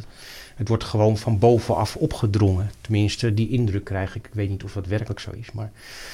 Um, je bedoelt dat het zeg maar door de bevolking niet bepaald gedragen wordt, maar er zit precies, gewoon dat hele sterke overheidsorgaan overheen. Uh. Ja, maar trouwens, als, als je het over China hebt, dan is dat ook nog heel erg, erg afhankelijk van waar je zit. Ik was toevallig in 2018 uh, eh, was ik in China, maar dan in Hainan. En dat is een eiland onder China eigenlijk. Dus dat is een meer platteland. En ja, daar was het juist het tegenovergestelde van gereguleerd. Uh, daar kon je gewoon zonder nummerbord, kon je gewoon met een scooter daar uh, rondrijden. Niemand uh, lette daarop. Vet. Dus, dat hebben we meer nodig. ja, dus dat, dat was van dan weer de andere kant, zou ik maar zeggen. Dus dat is niet, ja, dat beeld dat het allemaal heel erg technocratisch is. Dat is misschien in de steden inderdaad zo. Ja, ik denk dat die, omdat die informatievoorziening uit China zo gecentraliseerd is, dan krijg je natuurlijk ook maar één beeld. Dat is, ja, dat is. Uh, dat is, dat is jammer. Dus nou, het, ligt dus gewoon veel complexer. En, uh, uh, maar je zegt dus wat, want ik, ik, ik snap het. Ik heb het zelf ook. Ik, ik heb het zelf ook gedaan. Ik heb me een schuldig aangemaakt. Ik, ik kijk naar de, naar de Chinese activiteiten. En dan denk ik van, oh shit, we hebben hier allemaal Chinezen in ons land zitten. Die gaan ons straks infiltreren. Hè? Dat, dat, mhm. soort, dat soort dingen. Ideeën krijgen. Krijg, maar ja, goed, je dan Ik maak er vooral een beetje een grapje over. Maar, ja, maar ik snap het wel. want als je naar het nieuws kijkt en er wordt tien dingen over China gezegd dan kijk ik gewoon als een, een, een Chinese Nederlander naar. Hè. Dus ik woon in Nederland, ik kijk ernaar en ik zie gewoon 9 van de 10 wat er over China gepraat wordt, is altijd negatief. Ja. Dus uh, daar heb ik mijn vraagtekens over en ik uh, geloof er eigenlijk ook uh, niet veel van. Natuurlijk zijn er ook dingen die niet kloppen of niet goed zijn, maar dat heb je in elk land zo. Maar dat hele tijd dat demoniseren, dat is ja, dat heeft de mensen ook zo gemaakt. En waarom zeg ik dit? Um, ik zeg dit natuurlijk ook omdat ik um, uh, veel uh, mensen spreek, uh, Aziatische Nederlanders, die daar heel veel last van hebben. Met name de coronaperiode. Ja, die coronaperiode is echt uh, een, een, anti-China-campagne bijna geworden. Ja, zeker. Uh, er zijn, uh, wat bekend is, tientallen duizenden meldingen geweest van geweld, maar ook fysiek geweld. Echt geweld, dus met stenen gooien en duwen en dat soort dingen. er zijn natuurlijk ook heel veel Chinese restaurants, dat je als ondernemer dus best wel kwetsbaar bent, want het is openbaar. Je mag niet zomaar um, mensen weigeren ja, er komen gewoon mensen die binnenkomen en met allerlei dingen gooien en, en weer weggaan. Fucker, hoor. Ja, dat, dat is, is kijk, maar dat wordt nooit iets over verteld. Nee. En ik weet dat omdat ik ook veel, met, veel contact heb met de politie. Want ja, ik moest er toch wel hierover spreken. En uh, nou, ik heb nog steeds uh, regelmatig contact met ze. En uh, we hebben over verschillende kwesties gehad. En dit is er één van. Maar dat wordt nooit verteld. En dat vind ik dus ja, erg jammer. Want dat maakt natuurlijk wel het hele verhaal. En niet alleen maar van één kant. Maar ik vraag me ook af, waar komt die haat vandaan? Ja, nee, het is, het is, je, hebt, je hebt natuurlijk een hoop angst en dan heb je problemen. En dan is het altijd makkelijk om uh, lekker elkaar aan te gaan wijzen en zo. Hè? Dus, Kijk, we, uh, weten allemaal dat die um, Chinese Nederlanders, die werken allemaal hard. Die zijn netjes en die uh, geven nauwelijks problemen in de maatschappij. Ja, ja waarom? ja, dus, dus, je moet toch juist de braafste jongen van de klas juist, juist belonen. En aan de klas laten zien van, hé, hey, hij of zij doet het goed. Ja. Zo, zo willen we het graag zien en niet andersom. Nou, ik denk dat je er goed aan doet om, uh, um, om inderdaad de Chinese bevolking in Nederland op een of andere manier een politieke stem te geven. En, en eh, ook want als Nederlander zijnde, hè, zoals ik het zie, ik denk niet na over Chinees-Nederlanders. ik, ik, zie inderdaad wat je nou verteld hebt, is dat de mensen er al gewoon uh, meerdere generaties zitten, decennia's. Er is al, sinds begin vorige eeuw is daar al een hele diaspora deze kant op gekomen. Uh, die mensen, wat je zegt, die mensen zijn Nederlands. Ze weten van Nederland af en misschien niet zoveel van China af. Dat, is al, dat zijn al perspectieven die, die, ik, die gewoon niet bestaand waren in mijn hoofd. Bij mij was het alleen maar uh, Chinese mensen in Nederland. En voor de rest geen idee. Wat, uh, wat doen ze? Waar staan ze voor? Hoe lang zitten ze hier al? Geen idee. Waar is de geschiedenis? Maar die context die is belangrijk. Dat, dat laat je al heel anders nadenken. Dat is... Ja, dat zorgt natuurlijk ook voor minder spanningen tussen de bevolkingsgroepen. Als ik zo even mag zeggen. Uh, ja, en dat uh, kunnen we het beste oplossen door gewoon inderdaad kooklessen te geven. Uh, dan leer je ook over de Chinese cultuur en wat ze eten en hoe dat zit. En dan raak je ook een beetje meer, ge, geef je, raak je meer geïnteresseerd in, in verschillende culturen. Niet alleen de Chinese cultuur, bijvoorbeeld ook de Surinaamse cultuur of Indonesische cultuur. Maar wat ook belangrijk is, um, dat we ook um, uh, echte geschiedenislessen geven. Echt bedoel ik ook gewoon echt vertel zoals het is. Maar kan je hier. Ik wil toch nog heel even. Maar we zitten toch in een politiek debat. Dus kunnen we het niet. Of nou ja, een politiek uitzending. Ja. Dus kunnen we niet niet politiek maken. Uh, uh, de Chinese overheid momenteel, die CCP, die heeft ook heel veel binnen het land geschiedenis vernietigd of tegengegaan. Boeddhistische tempels gesloopt, Taoïsme allemaal proberen onder de tafel te schuiven. Uh, dat, dat soort zaken, als ik het goed begrijp hoor. Uh, is dat natuurlijk dan ook een, een, Kan je hier in Nederland dan misschien meer doen met die Chinese geschiedenis? Dat je juist dat in leven houdt. Ik bedoel, niet alleen hier in Nederland, maar dat je juist inderdaad de Chinese bevolking buiten China uh, de Chinese geschiedenis in leven houdt of, of, of, of uh, blijft vertellen zoals dat altijd al werd gedaan vanuit tra traditie, zeg maar. In plaats van nu, want als ik weet, je moet nu in ieder geval wel, denk ik, in China, als je echt gaat publiceren of naar buiten komt, voldoen aan dat centrale wereldbeeld die die, die die CCP vasthoudt, lijkt mij.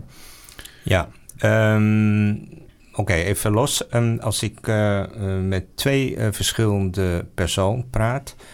Eén is hier opgegroeid en die heeft een idee over, of die denkt een idee te hebben over China. Mm -hmm. Maar ik heb ook iemand die in China gewerkt heeft, bijvoorbeeld voor een Nederlands bedrijf, tien jaar.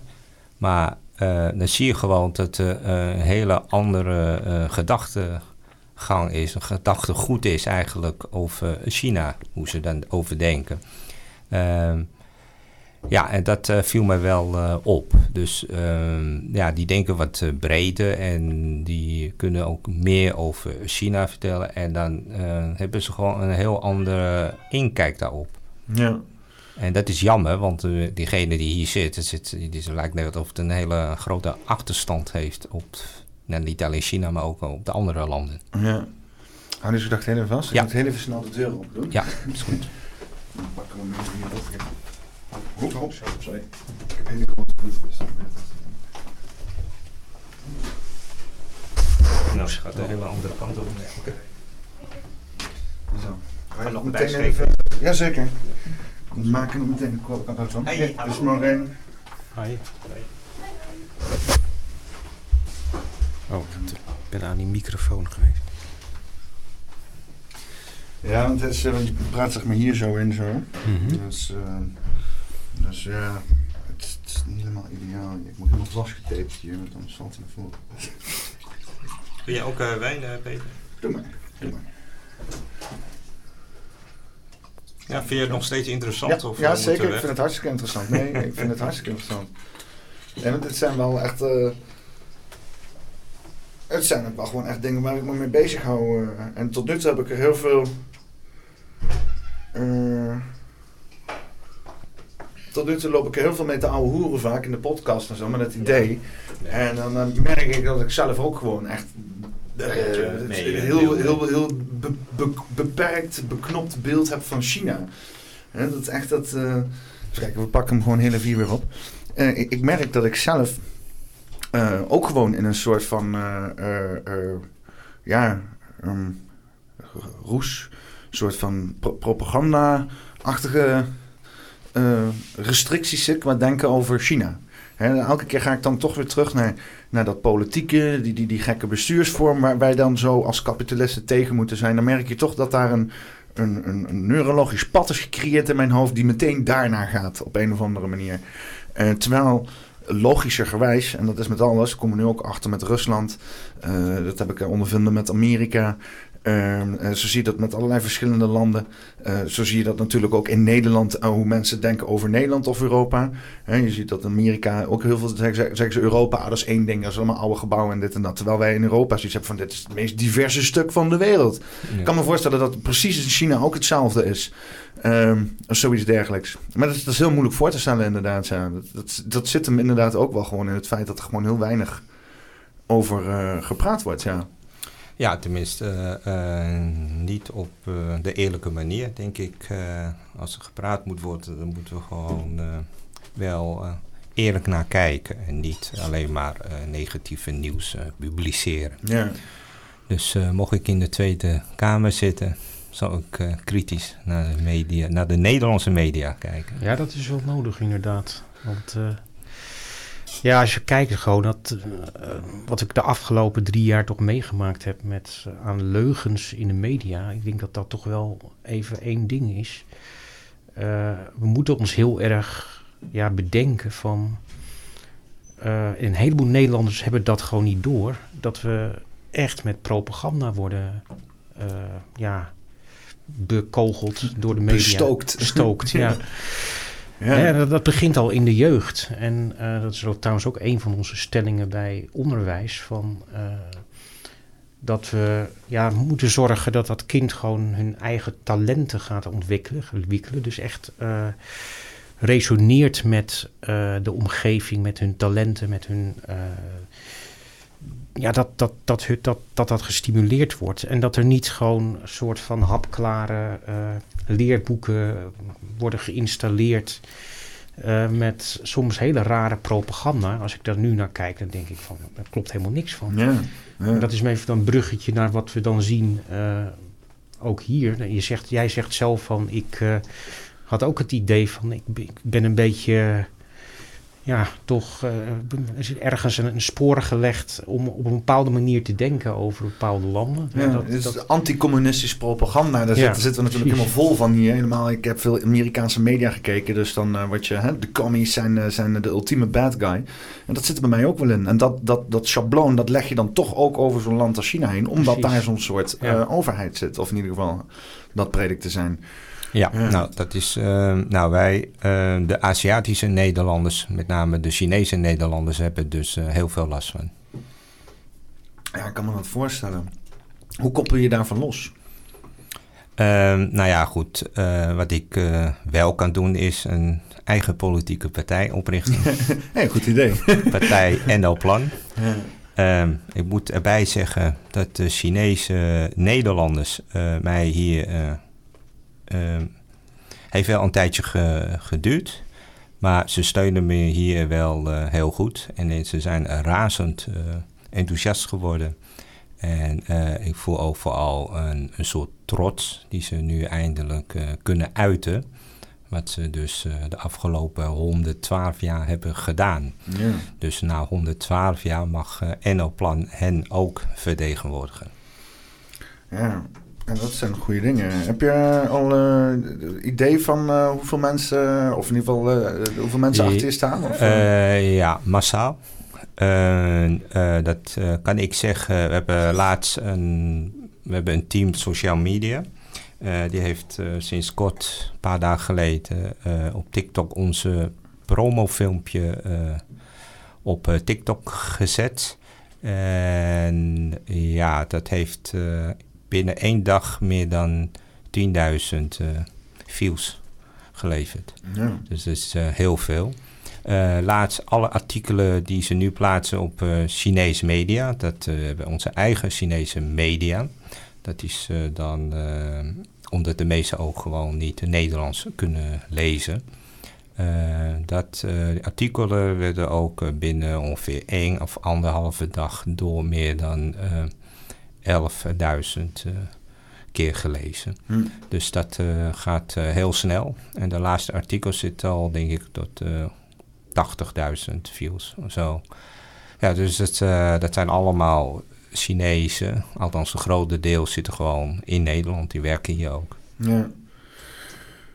even kijken, we gaan, we gaan maandag gaan we een debat doen. Dat is als dit uitgezonden wordt, is dat over over, uh, over een paar uur al. We wordt om 8 uur uitgezonden en de volgende dag om 11 uur is het debat al. Uh, kunnen mensen trouwens bij zijn. Dus zoek op poppenkast.com slash debat. En dan kan je erbij zijn. Ehm, ehm, we gaan er aan tafel zitten met, met, met vier kleinere partijen. ik heb ze ook allemaal hier in de podcast mogen ontvangen. Ehm, de Libertaristische Partij, de Piratenpartij en Samen voor Nederland met, met, met Samen voor Nederland een beetje stop van migratie um, uh, um, en Nexit.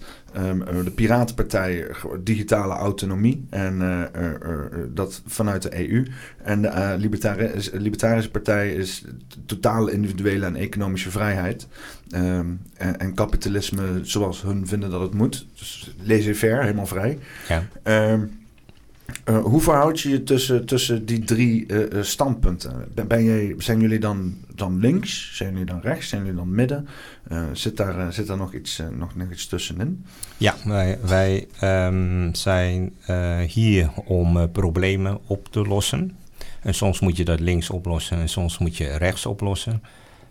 liefst zitten we bovenop, als het mag. ja, wie niet, hè? ja, maar als je per se in het vakje geduwd moet worden, uh, dan zou ik zeggen, ja, rond in de midden. Ja. Ja, ik, ik ben er zelf zeg maar een soort van een politieke crisis doorgegaan. Uh, ik beschouwde mezelf altijd links, zo links mogelijk. Hoe linkser, hoe beter. Mhm. En dat is uh, sinds die pandemie helemaal omgedraaid. Om, omdat ik meer vertrouwen heb in de individuele de keuzes van individuele mensen. Ja. Als um, de groep, zeg maar. uh, groep, groepsverband in de huidige omstandigheid zie ik dat er gewoon heel veel massavorming plaatsvindt. En mensen die dan elkaar zitten op te hitsen. En je ziet het nu ook met de Israël-Palestina-oorlog. Ja. in groepsverband, kijk, als je individueel met mensen praat op een rustige manier, dan, dan is iedereen vrij redelijk daarin. Maar op het moment dat er dan een groepje mensen is en een bord bijgooit, dan is het alleen nog maar emoties en over zaken die, waar hun zelf helemaal niet bij betrokken zijn op dat moment. Um, ik, ik, denk, ik, ik denk dat, dat, dat die massavorming, dat, dat, we hebben echt mens, we hebben echt een periode nodig waar mensen gewoon individueel naar hunzelf gaan kijken en hun eigen verantwoordelijkheid nemen, denk ik. Uh, hoe, staan, hoe staan jullie daarin, in het, het, individualisme? En, uh, ja, je hebt natuurlijk zaken zoals de atomisering van de samenleving, wat natuurlijk ook een beetje de negatieve uitwerking daarvan is. Maar uh, ja, hoe kijk je daar tegenaan? Nou ja, ik, um, nou ja, voor ons, voor mij, voor NL-plan is het voornamelijk luisteren naar de mensen. Dus luisteren naar de burgers. Um, dat zijn ook uh, meestal de mensen die weten wat de problemen zijn op de werkvloer. En die ook eigenlijk ook de oplossingen weten. Dus door goed te luisteren, nou laten we zeggen 60, 70 procent, kan je bepaalde problemen mee oplossen. En dat heeft inderdaad te maken wat je net al zei, dat is gewoon uh, de tijd nemen en elkaar uh, laten uitpraten en communiceren. Zodat je meer begrip met elkaar, dat je meer begrip krijgt hierdoor. Ja, ja. ja mooi. En denk je ook, uh, ik neem aan dat je ook debat hebt zitten kijken in de Tweede Kamer de afgelopen ja. tijd. Uh, wat vind jij van het debat momenteel? Kan je het nog wel een debat noemen eigenlijk? Um, nee, eigenlijk niet. Het uh, gaat alleen maar over de grote partijen. Um, als ik een grote partij zou zijn, zou ik me afvragen waar zijn de kleine partijen dan? Uh, we zijn toch met uh, 26 partijen in Nederland die meedoen aan de Tweede Kamer. Ehm, als je echt zo goed bent zoals je zegt dat je goed bent, eh, of althans je partij, dan hoef je daar ook niet bang voor te zijn. Uh, want uh, wij, de kleine partijen, worden nergens uitgenodigd. En um, nou ja, ze willen natuurlijk dat de kleine partijen zo min mogelijk in de picture komt. Ja, en dan vraag ik me ook een beetje soms af. Wij hebben ook een waarborgsom betaald van 11.250 euro. evenveel als bijvoorbeeld Pieter Omtzigt, zijn partij. Mm -hmm. Dus wat maakt het verschil? Is er wel een gelijke speelveld. Want wat is die waarborgsom? Waar wordt dat voor gebruikt? Is dat... Uh, dat wordt gewoon van je vereist. Uh, dat moet je doen. Het, uh, we hebben een zogenaamde verkiezingskalender. Er staan allemaal dingen in wat er gedaan moet worden, wat je moet doen en wat je moet betalen, enzovoort, enzovoort. En um, één daarvan, dat is de waarborgsom van 11.250 euro dus. die moet je dus op tijd betalen. En uh, ze zeggen van als je 75% haalt van wat er nodig is voor een zetel qua stemmen, dat is ongeveer uh, ja, 52.000 uh, stemmen ongeveer, hmm. dan krijg je je geld terug. En als je dat niet haalt, nou, dan uh, krijg je je geld niet terug. Dan ben je dus 11.250 euro kwijt. Ja. En dat is dan om, oké, okay, dit is, dit is gewoon gedragsveranderende maatregel. Uh, nou ja, volgens... maatregelen om uh, partijen uh, moeilijk te maken ja. om in de Tweede Kamer te komen als beginnende partijen. Want dat is niet het enige. Je hebt ook nog, om, om mee te kunnen doen, heb je per dis, de kiesdistrict, of kieskring heet dat, heb je, er zijn er 22 of 21 zijn er in Nederland. Um, ehm, 20. 20, ja, sorry. 20, 20 kies, kiesdistricten. Ja, daar heb je 30 ondersteuningsverklaringen nodig. Nou ja, dat denk je van, nou ja, een ondersteuningsverklaring is dus een burger die moet dan tekenen dat, je, dat, dat ze jouw partij ondersteunen. Ik, ik, ik heb het ook gedaan uh, voor, ja. uh, ik heb uh, de, de, de Piratenpartij geholpen, Mark. En uh, moest ik inderdaad naar het gemeentehuis met een formulier en dan handtekeningen chatten en dan ja, zo'n ambtenaar die een stempel op. Je moet de moeite doen om naartoe ja. te gaan. Je weet niet wat er is, je weet niet wat er gebeurt. Uh, mensen gaan naar jou informatie vragen, uh, kopietjes. de ene ambtenaar doet vraagt dit, de andere ambtenaar vraagt dat. Uh, ja, dat maakt ook uh, de mensen bang zoals jij dus, die ooit is gedaan. En wat heb je nu gedaan? Uh, heb je nu met de afgelopen ondersteuningsverklaring tekenen meegedaan. Ja, ja, ja. Uh, Mark van de Piratenpartij die, die vroeg dus... Afgelopen twee maanden geleden. Ja, ja, ja. hij stond dan okay, voor het gemeentehuis. stond hij te, ja, ja. Met, met die formulieren te wachten tot iedereen kwam en zo. Ja, dat is echt per kiesdistrict een dagtaak als het niet meer is. Om dat nou, je krijgt tien werkdagen voor. Dan gaat er eentje weg omdat je, ja, dat je moet uh, die spullen, uh, dat doen ze voor inlevering. Dan moet je van tevoren even inleveren om te kijken of het goed gaat en wat de stand van zaken is. Maar dan hou je dus negen dagen over. En in die negen dagen moet je zo ongeveer, ja, met extra OSV, uh, noem even ondersteuningsverklaring. Dat heet OSV. Um, ja, daar heb je ongeveer duizend stuks voor nodig. En dat moet dat moet binnen negen dagen gebeuren. Dat is ongeveer 100, 100 120 is, per dag. Is, is, dat altijd al zo geweest? Of is ja, dat... ja, ja, ja. Zij zeggen van wel. Ja, en het, wordt, het, is ook zo dat het niet allemaal geaccepteerd wordt. Hè? Want als je maar even iets fout doet, als de ambtenaar bijvoorbeeld eh, de datum verkeerd eh, of niet invult, dus het is de schuld van de ambtenaar of de gemeenteambtenaar die dat, dat formulier invult wordt het gewoon afgekeurd door de kiesraad. Dus als jij zeg maar eh, politiek gekleurde ambtenaren hebt, dan kunnen ze de boel saboteren als ze dat ja, willen? absoluut, dat kan. Ja, niet dat ik zeg dat dat gebeurt per se, maar het, ja, het is mogelijk en het, uh, het is wel zo dat, uh, ja, dat we ook wel meegemaakt hebben. Want je hebt bijvoorbeeld twee hersteldagen. Hè, dus als, als je niet genoeg hebt binnen die tien werkdagen, dan heb je de definitieve inlevering. En daarna krijg je nog twee respijt, dus eh, twee hersteldagen om nog dingen aan te vullen. Dus uh, die ondersteuningsverklaring kan je dan nog eventueel aanvullen. Maar hebben ze gewoon de gemeentes niet geïnstrueerd dat die dagen er ook zijn. Dus dan kom je bij het gemeentehuis en dan zeggen ze doodleuk van, ja, maar de, de, de, de datum, de, de termijn is al verlopen. Terwijl, en dan moet je de kiesraad weer bellen.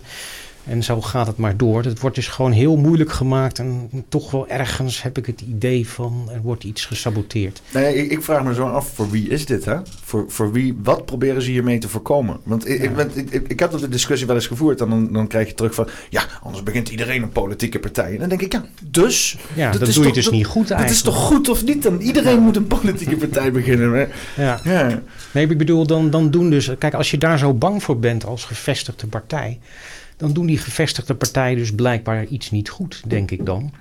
Uh, want anders zouden er niet zoveel partijen komen. Dus, dus uh, ze moeten eigenlijk eerder naar zichzelf kijken. Dat heeft natuurlijk ook weer met die integriteit binnen de politiek te maken, die heel ver te zoeken is, denk ik. Ja.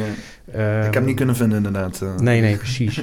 nou, er is wel eens een onderzoek geweest dat er ongeveer 50% van de politici zijn, zijn psychopaat. Ah. Dat is dan weer. Ja, ik, heb, ik, had een boek van Jan Storms gelezen. Dat is ah, echt een aanrader. Eh, over psychopathie. Ja, ja, ja. Ehm, dus ja, je kunt nagaan. Ehm, er worden allerlei spelletjes gespeeld om het uh, voor, zeker voor beginnende partijen heel moeilijk te maken om uh, überhaupt in de picture te komen. En wij werden ook nergens uitgenodigd. Ja, door Blackbox gisteren en door uh, ongehoord nieuws of Nederland. Ja. En door de Chinese media. En door de Chinese media, ja. Maar wat is er, een Nederlands-Chinese media of is dat media uit China? Nou, het is uh, voornamelijk uh, hier bevestigd, ja. ja. Okay, dat is wel grappig. Ja, maar om verder terug te gaan naar de klachten die wij hadden ingediend. We hebben klachten in, de kleine partijen hebben klachten ingediend uh, bij de Raad van State. Ik weet dat sommige kleine partijen dat ook gedaan hebben. Ik denk bijna allemaal. En ja, alles is ongegrond verklaard, dus afgekeurd. maar goed, ik heb wel een heel dik dossier. Want ik heb met twee jaar geleden al was ik al begonnen met uh, klachten indienen. En, uh, en dat was toen bij de gemeenteraadsverkiezingen had ik uh, 14 klachten plus 6, 20 klachten ingediend. Het ging om verschillende dingen over ambtenaren die niet meewerken of geen antwoord. Eh, we zouden contactpersonen krijgen, maar de namen kregen we niet door. Tot, tot nu toe weten we nog steeds niks daarover. Um, Goed, het is uh, bij terechtgekomen bij MDRA en uh, bij de ombudsman, Metropool. En uh, ja, goed, na een jaar kreeg ik gewoon een hele pakketje weer terug. En ze zeiden, ja, de ambtenaren reageren niet, dus dan kunnen wij ook niets meedoen. Dus heb je hier de hele pakketje weer terug. Nou, dat heb ik dus bewaard. En dat heb ik later ook gebruikt voor de Tweede Kamerverkiezingen. We zijn dus naar de Raad van State geweest. Um, daar was ook... Um, de mensen van uh, de, uh, is het nou de, de, de Pro-Demos? En, uh, Pro-Demos van Kies... Ja, waar we dus ook mee... Nou, in ieder geval, we hebben daar klachten ingediend. Ja. daar kom ik zo op terug. En um, ja, er stonden geloof ik zes, zeven advocaten klaarstaan. En die mensen vroegen aan mij van... ja, wie is hier de advocaat? En ik zeg, nou, die hebben we dus niet. En uh, wie gaat het woord voeren? Zei, ja, nou, ik. Toen zeiden ze van, ja, wat is jouw titel? Ik zeg, nou ja, bouwkundige ingenieur. Oh. en toen zeiden ze, ja, oké, okay, nou, goed. Nou goed, ik heb mijn verhaal gedaan bij de Raad van State. Dat heeft ongeveer ja, drie kwartier geduurd. Ja, het zitten er uh, allemaal mensen in uh, die een beetje me aankijken. Maar ik krijg gevoel dat ze allemaal rechten zijn. Want zo, dat zijn allemaal een beetje ervaren mensen. Maar ik heb mijn verhaal gedaan. Ik heb de klachten ingediend. Ik heb voor de Tweede Kamerverkiezingen heb ik twaalf krachten. Uh, van, van alles. En plus die twintig van twee jaar geleden. Mm -hmm. Uh, ze gaven wel toe dat, dat er fouten zijn gemaakt. En ze gaven ook toe dat, dat het fout zit aan de ambtenaar, dus niet hun schuld. Dus ik moet een nieuwe rechtszaak beginnen, maar dan tegen de ambtenaar. Maar ja, dat ging mij dus daar niet om. Het ging dus ook om verbeterpunten en hoe het beter kan de volgende keer. Ja. Het is, is, wel, is wel apart dat je want, want, wat, die, die, klachten zijn dat er dus bepaalde uh, mensen niet uh, juist die communicatiekanalen hebben. Uh, ja, dat zijn mensen, mensen gewoon niet meewerken, maar ze willen wel dat jij al jouw verplichtingen ja. doet en op tijd moet doen. Ja, het is een beetje sowieso de hele overheid. Dat merk ik zelfs als uh, gebruiker van de overheid ook. Dat, uh, ja. Um, ja. dat, dat ik uh, eindeloos veel bureaucratie moet doorspitten om perfect mijn verantwoording te doen over whatever. maar ondertussen krijg ik inderdaad vaak ja, toch wel heel veel falende acties van de overheid zelf terug. Tegenstrijdigheden, mensen die te weinig informatie hebben en dan maar gewoon een gok doen. Um, uh, uh, van de Belastingdienst heb ik zo eens een keer... Hè, dan zeggen ze van, oh, je moet ons 40.000 euro betalen. En dan denk ik van, nou, dat, dat schrik me helemaal dood. En dan moet ik erachteraan. En dan kom, het er, kom ik erachter dat uh, ik een aangifte nog niet heb gedaan. Dan hebben ze een schatting gedaan. Um, en dan doen ze op basis van niks. Zeggen ze zomaar, we sturen ze gewoon een brief van, hij moet 40.000 euro betalen. Ja, precies. Um, uh, terwijl ja, als je dat als ondernemer doet en zo, dan kan je meteen helemaal de gat voor in aangeklaagd worden. Dat je zomaar, uh, ja, zomaar bedragen vraagt aan mensen die niet gerechtigd zijn. zo zie je dat dan toch die, die overheid, wat natuurlijk logisch is, want die, de overheid controleert het gedrag in de maatschappij, zijn eigen gedrag niet controleert. Ja, klopt. Ja. Wie gaat hen controleren? Wie controleert daarom, de overheid? Ja, het is gewoon helemaal uit de hand gelopen. Daarom hebben wij ook een, een partijstandpunt. En dat heet uh, servicegerichte overheidsdienstverlening. Oh, is uitgezet. ja, nee, de, de, camera was heel even uit van... Kijk, daar is hij weer. Ja, oké. Okay. Uh, eh, daarom hebben wij ook een nieuwe partij standpunt. En dat heet uh, servicegerichte overheidsdienstverlening. Dat is heel netjes gezegd. Mm -hmm. Dat uh, de ambtenaren natuurlijk gewoon topservice moeten leveren. Want zij zijn voor de burgers en niet andersom. En natuurlijk moeten we wel rekening houden dat de goede niet moeten leiden onder de kwaden. Ja, ja want dat, dat is wel een beetje. Ik denk vaak na over gewoon samenleving en mensen die samenkomen en zo. En dan kom je toch wel tot de conclusie. En wat vaker gebeurt, is dat er dan ja. Één iemand van de honderd mensen die, doet, die, die, verneukt het, die, die, die doet iets, krijgt gewoon niet voor elkaar om fatsoenlijk mee te draaien. Maakt alleen maar fouten. dan gaan wij allerlei vangnetten of allerlei eh, randjes van de samenleving gaan we inrichten om die ene persoon eh, te laten zorgen dat hij niet eh, uit de bocht vliegt. En dan vervolgens moet de hele samenleving dealen met allerlei beperkingen die daar dan opgesteld worden. Ja, dat, Dat klopt. is wel een beetje de gang van zaken, hoe dingen nou eenmaal gaan. Dus in ieder geval zoals we dat nu altijd doen. Hoe is, is daar een andere manier om mee om te gaan? Ja, ik, eh, wat ik net al zei, we hebben een standpunt eh, gemaakt. En we willen gewoon dat de ambtenaren meer service eh, gaan leveren. Gewoon echt op Eh, maat, zeg maar. eh. Ja, dat betekent dus eh, servicegericht. betekent ook ehm, dat er gelet op moet worden, helaas. Je zegt dus eigenlijk van met meer aandacht zou je dat soort aspecten gewoon... hè, meer de- met overleg en niet dat het op een gegeven moment eh, afhangt van één mannetje of van één vrouwtje. Ja, ja. ja dat- Ik denk dat het daar meestal het eh, fout gaat. maar dat zijn ook vaak die failsafes. Hè? We hebben failsafes ingebouwd. En dan kom je erachter dat het gewoon iemand is op een kantoor die gewoon een stempel zet of zo. Ja, dat- is ook eh, meestal de laatste in de rang Ja. die dat doet. Ja, ja. Want ik heb met die ondertekenen van die eh, OSV, die ondersteuningsverklaringen, ja, hebben we heel veel problemen gehad met gewoon mensen die, eh, die eigenlijk domweg zeggen dat het niet kan, terwijl het wel zo is. Dus ik heb eh, de kiesraad, had ik net beloofd om dat even uit te zoeken.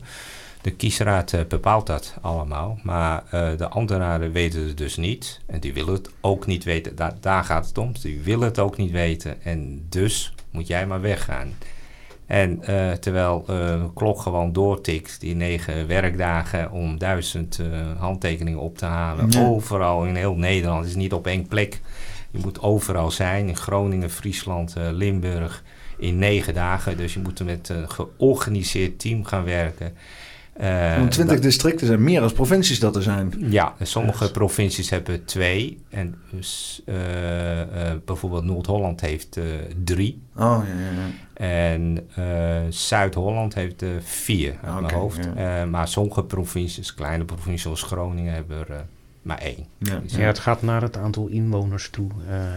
Eh, je hebt ook nog een provincie eh, een specifieke, dat is Bonaire natuurlijk. Aha, ja, ja, ja. En dan hoef je er maar tien eh, te hebben. Nou ja, dat, de meeste kleine politieke partijen die eh, hebben dat niet voor elkaar gekregen. Ja, wij hebben best wel veel voor elkaar gekregen, toch nog. Want ik had eigenlijk er een heel hard hoofd in. We hebben alleen Drenthe en ehm, Zeeland. niet voor elkaar En, en gekregen. dat betekent dat je daar niet op de kieslijst staat, Ja, toch? waar wij staat daar je niet naam eh, niet eh, op. Ja. Maar je kan ook via een constructie, ik weet niet hoe je dat ja, een noemt. kiespas heet dat.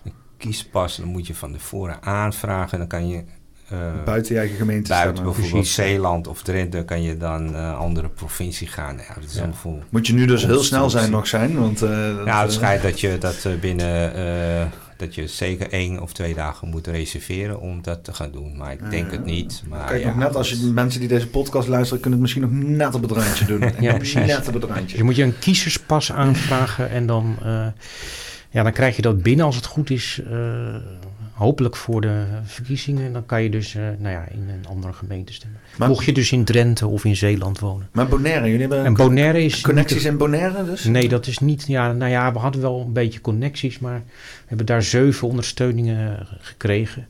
Van maar de 20 van de, die van, moet nee, hebben? van de 10. Dus Oh, eh, we waren er wel Oh, bijna. meen je niet. Maar goed, Dus ja. eh, het is eh 19 maal 30 eh, handtekeningen. Dan kom je op eh, eh, 19 maal 30, eh, dat is eh, 570. Ja. Plus eh 10, dat is de 20ste kieskring. Eh, dat is Bonaire en dat heeft te maken met drie gemeentes die op een of andere manier nog bij eh, Nederland eh, horen. Ja, ja, ja. Dat eh, Ja. De afgelopen tien jaar hebben ze dat Ja. eh, lopen herhusselen. Maar wie heeft dat nou ooit eens eh, verzonnen en hoe moet je nou helemaal naar Bonaire? Want eh, je hebt ook te maken met je administratie. Want dat houdt de overheid natuurlijk ook goed in de gaten. Kijk, hoe jij aan je geld eh, gekomen bent. ik heb wel connecties in Aruba. Het is geen Bonaire, maar het Nee, is even dat, een, eh, een, een bootje Aruba, naar, naar ja. het eiland toe en dan... Ja, maar ze schijnen wel elkaar goed te kennen. En, eh, maar Aruba mag dus niet. Nee, nee. Ja, ja apart. Nou, ik, Ja, ik, ik, dat- ik, ik stond daar ook toen van te kijken hoor. Dat is inderdaad die, dat je die, die hoe noem je het ook weer, die kies... Kieskringen. Ja, nee, dat formulier dan moet invullen. Dan moet je 20 uh, OSV, oh, ja, OSV, OSV nee. ondersteuningsverklaring. Het is wel grappig dat het OSV heet, want de, de, de, de, de stemcomputerprogramma, uh, waar dus alle stemmen in geteld worden, dat heet ook OSV. OSV 2020. Ja, dat klopt. Ja, ja. dat heet het uh, programma. Ja. het programma werkt niet op alle computers, hebben we ook ontdekt. Nee, dat is een heel bug uh, rijk programma, laat ik het zo zeggen. Ja, het is ook apart. ik heb het toen een keer onderzocht en het werd toen uh, in 2020 uh, geëikt door een, een, een, bedrijf dat heette Hack Defense. En dat is een bedrijf die al meerdere malen allerlei ehm, donaties heeft gedaan aan D66. Ja, ja. En die, die herijkt dan inderdaad het programma waar uiteindelijk alle handmatig gestemde, uh, uh, of alle handmatig uitgezochte stemmen per uh, district gaan dan allemaal naar het gemeentehuis. En dat wordt dan, dan door een ambtenaar in, ingenomen met dan een bonnetje die die mensen krijgen.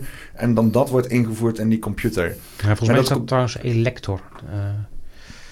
Want OSV, dat is, die software wordt gebruikt inderdaad om ja, de administratie rond te krijgen voor politieke partijen, zou ik maar zeggen, die formulieren, zou ik maar zeggen, in te vullen. Uh, maar volgens mij is het elector dat wordt gebruikt om. Maar dat meen je niet. Om inderdaad bij het tellen, zou ik maar zeggen, uiteindelijk. Oh. Dacht ik. Maar... Ja, ik had, het was toen inderdaad zo'n geen stijl uh, artikel die inderdaad verwees naar het feit dat dat, dat ons kies, de, de stemmen ging tellen. Maar geen stijl zijn ook geen wetenschappers. Dus eh, kan men, dus Elector is, is het programma wat, waar, waar de stemmen in worden geteld. Ja, tenminste, dat was het een aantal jaar geleden. Hmm. Interessant. Ja, ik houd het, want er is natuurlijk heel veel, heel veel gedoe over. De, de AVD die is nu bezig met een gigantische campagne om mensen überhaupt te laten stemmen. Omdat hun hele achterban zoiets heeft van, weet je wat, stek er lekker in. Ik geloof er toch niks meer van. Um, um, um, hoe, hoe, eh, hoe, heb je, hoe is jullie gevoel bij het hele stemproces? Eh, want, want op zich, als ik nu dan inderdaad naar, naar Pepijn luister over hoe hij gepassioneerd zit te vertellen over dat hele proces, denk ik van nou, ja. het zal.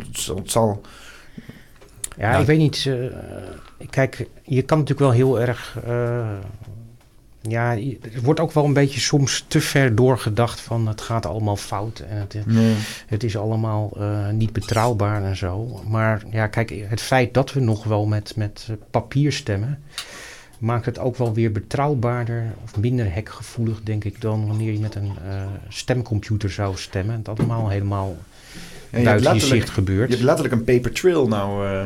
Waar je op terug kan vallen. Ja, precies. Dus eh, het, uh, natuurlijk moet het heel goed in de gaten gehouden worden. En ik vertrouw het ook niet altijd even goed. Maar um, om dat te zeggen dat het allemaal corrupt is, zo ver wil ik nou ook weer niet gaan. Nee, ik, ik, had op een gegeven moment voor mezelf de conclusie getrokken. En dat was al een paar, paar vijf, was, want ik zat toen helemaal bovenop die hele Trump gebeuren 2016, 2020. En daar kwam dat allemaal heel veel te sprake en zo. En ik kwam op een gegeven moment tot mijn eigen conclusie dat het. Um, uh, beeldvormig manipuleren van verkiezingen door inderdaad polls en kieswijzers en uh, eenzijdige informatievoorziening veel effectiever is dan allemaal lopen te rommelen met stemmen om dan hier duizend of honderd stemmen meer te krijgen met het risico dat alles om uh, niet te niet wordt verklaard. Exact. Terwijl ja, als je gewoon een nieuwsbericht eruit doet met allerlei contradictische informatie die mensen op een pad stuurt om op jou te stemmen, dan krijg je zo duizend, 2000, 3000 mensen winnen zonder enig illegaal ding te hoeven doen. Ja, daar zit denk ik de grootste corruptie in, inderdaad. Uh, überhaupt uh, de hele verkiezingscampagne. Het mhm. feit dat, dat alleen grote partijen worden uitgenodigd bij debatten. Kleine partijen. Kijk, als wij worden uitgenodigd, weet ik zeker dat we veel meer stemmen krijgen en makkelijk een zetel kunnen winnen. Uh, en dat wordt dan op basis van de kieswijzer gedaan. En dat hè? wordt dus, op basis van een kieswijzer gedaan. Of de polls of zo. Als je niet, genoeg draagvlak hebt binnen de polls, dan word je dan ook niet uitgenodigd. Nee. Ja, nou, ik heb, uh, eigen vlees uh, dus met de stemwijze um, hebben we nog uh, een heel gevecht gehad ja. om toch te mogen meedoen. Hmm. Ik heb gelukkig nog de directeur mogen spreken van ProDemos. Dat was een lancering van de stemwijze van ProDemos. Hmm. nou ja, het projectleider waarvan ik drie keer had gebeld van, en gemaild van bel me terug want uh, we zijn een kleine partij en uh, ik heb daar vragen over. Ja. Maar tot uh, zover heb ik haar nog, heeft zij nog nooit teruggebeld. Lekker betrokken weer, mensen. Ja. En het zijn maar 26 uh, partijen. En Ja. uh, soms vraag ik me af, uh, er doen misschien 24 of 25 partijen mee met de stemwijze. Ik zie nu dat er wel nu 25 partijen meedoen. Uh, vraag me af van, uh, ja, uh, hoe zien jullie dat uh, als jullie een partij missen? Hetzelfde als je met de klas uh, op schoolreisje gaat met 26 kinderen en je komt terug met 25 kinderen, dan moet je toch afvragen waar, die, waar het kind gebleven is. Ja, want ik, ik heb de kieswijze ingevuld en ik kreeg helemaal geen alternatieve partij. Sterker nog, uh, de kieswijze zei VVD, dat past goed bij jou. Ja, ja. Dat is wel heel raar. Dat zou ik nou helemaal niet bij jou verwachten. Nee, nee ik, ik, heb een, ik heb de grootste hekel aan de VVD en alles waar ze voor staan. En uh, ik, ben ook geen. Uh, ik ben. Uh, ja, ik, ik heb dus inderdaad op een gegeven moment. Kijk, ik. ik ben wel heel socialistisch ingesteld, ook vanuit huis uit. Maar ik ben dus in het afgelopen drie jaar ben ik daar wat van losgeweekt. Omdat ik gewoon de mechanismes die erachter zitten niet meer vertrouw. Dus hoe ik nu die kieswijzer heb ingevuld is wel vanuit een, een, een, een, in een pro-individualistisch standpunt. En, en, dat ik zoiets heb van ja, de overheid hoeft helemaal niks op te lossen voor me. De overheid moet zich juist minder bemoeien met zaken. Zo, en dat is al heel moeilijk, want die kieswijzer die laat je niet dat soort dingen invullen. Want je krijgt een hele gemanipuleerde, tegenstrijdige vraag van hoe je Precies. helemaal niet tegen dingen Ja. aankijkt. Dus, dus het, is, het is al gewoon gecorrumpeerd. Maar ja, dan kom ik dus uit op de VVD. Ja, Nou, en, en geen, geen, geen LP, geen NL-plan, geen Piratenpartij, geen FVD of weet ik veel. Allemaal dingen die, die, die, waar ik persoonlijk het gevoel bij heb van... hé, hey, deze mensen zijn maar goed bezig. Dus hoe die kieswijzer zich manifesteert... en hoe ik persoonlijk het gevoel heb bij bepaalde zaken... terwijl ik wel geïnformeerd ben. Hè, want vaak is die kieswijzer voor mensen die niet geïnformeerd zijn...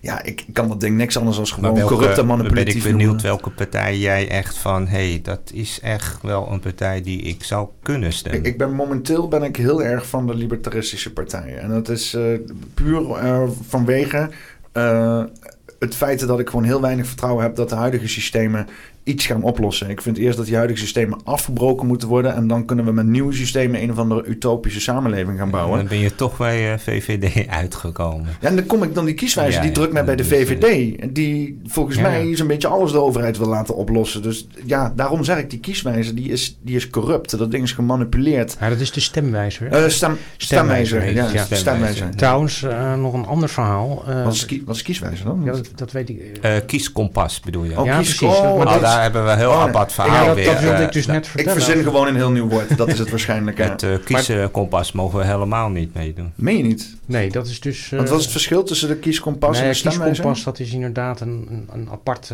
stemwijzer eigenlijk. Ook een van de grotere. Hè, stemwijzer is de grootste eigenlijk. Uh, kieskompas is ook een van de grotere. Maar dat... Um, nou ja... Bij de provinciale statenverkiezingen hebben, hebben we daar uh, meegedaan. Of mochten we daar... Want dat was het volgens mij ook de enige uh, stemwijzer of kieskompas dan.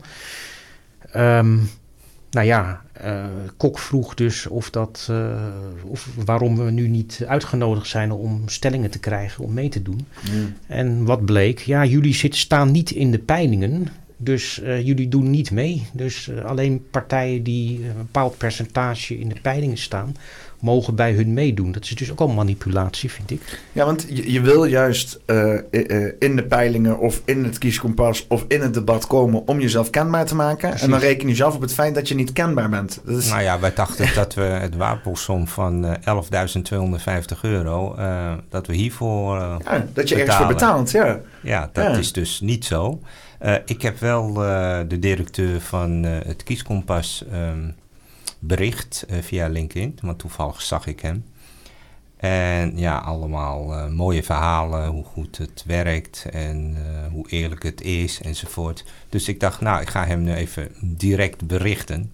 En ik zei van, um, nou ja, kan je uitleggen waarom wij als partij NL Plan niet mee mogen doen? Nou, toen zei hij dat hij dat uitgebreid had uitgelegd en... Um, dat uh, vier uh, peilingwijzers, peilingbureaus dat bepalen, waaronder ook Maurice de Hond. Uh, nou ja, goed, toen zei ik van, weet je wel hoeveel Aziatische Nederlanders dan zijn in Nederland? Toen zei hij, ja, nou, geen flauw idee. Uh, toen zei ik, uh, nou ja, dat is uh, minstens meer dan 1 miljoen. En toen zei hij van ja, het is niet uh, onschuld. Uh, ja, dat, uh, wij gaan gewoon vanuit wat de peilingbureaus en wijzen zeggen. En toen had hij me verder succes gewenst met mijn politieke partij. En toen heb ik hem ook succes gewenst met zijn eigen kieskompas. Dit is weer van die standaard dingen, hè? Van, uh, oh ja, sorry, nee, ik neem geen verantwoordelijkheid voor het totale proces. Ik doe alleen maar dit hele kleine stukje afgekaderde gebied die mij toegewezen wordt. En voor de rest los ik helemaal niks op in, in de problematiek. maar stel, als ik wel aan de zetel hou, waar moet ik mijn schade dan uh, terughalen? Ja, ja, ja. Zonder het kieskompas.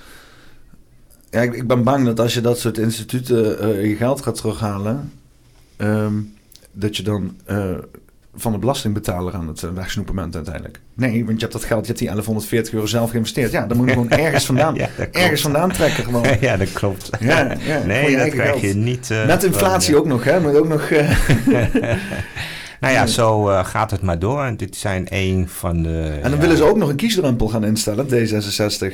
ja. ja. Nee, wat, ik, wat, wat ook nog, eigenlijk vind ik, waar, waar, ik me ook heel erg aan irriteer, zijn die peilingen. Ja, ja. Dat is eigenlijk ook een, de grootste manipulatie die nu is natuurlijk. Absoluut. Doordat mensen die peilingen zien, gaan ze misschien strategisch stemmen. Of gaan ze zeggen, nou dan ga ik toch maar daarop stemmen. Dus het is een en al manipulatie. Weet je wat ook leuk is? Dat Ipsos uh, een uh, bedrijf is aangesloten bij de World Economic Forum. Ja, uiteraard. Staat ook op de site, Ipsos. Dus uh, die doen dan peilingen voor de hele wereld op geopolitiek niveau. Uh, die Ipsos-peilingen worden bijna overal bij ingetrokken. Bij uh, de, de, de, de, grote nieuwsvoorzieningen, de, de politieke partijen, de overheden zelf gebruiken vaak die Ipsos-cijfers. En die hebben letterlijk de macht om beeldvorming vorm te geven door middel van data. En dat, ja, dat, dat zeggen ze allemaal heel integer te doen natuurlijk. Hè. Dat, uh, ze hebben onderzoek en enquêtes en weet ik veel wat. Maar jij uh, en ik weten waarschijnlijk allebei, en uh, Bill Gates weet het ook, die heeft een heel mooi boek liggen zo op zijn fotoshoot over die vaccinaties. En daar staat How to Lie with Statistics.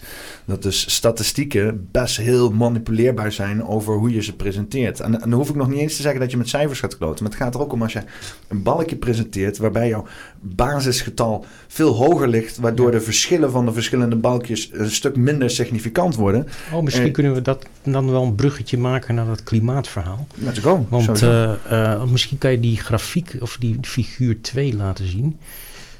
Uh, je hebt hem, dacht ik, open. Oh, ik kan maar, ja. ja. Kijk, dit is een artikel uit het een vrij recent artikel. Um, wat je hier ziet is, um, je ziet hier eigenlijk twee uh, prognoses, klimaatprognoses. Um, dat is dus gemaakt op, op grond van modellen. Die, die low ECS, medium ECS en high ECS. Dat zijn dus eigenlijk allemaal modellen um, die een beetje onderverdeeld zijn in uh, ja, hoe, hoe ver de temperatuur stijgt, zou ik maar zeggen. Yeah. Nou, je ziet dat als je dat dan ver vergelijkt met uh, werkelijke waarnemingen, dat uh, ja, de, de low ECS alleen nog enigszins uh, gelijk loopt met de werkelijke waarneming. Ja.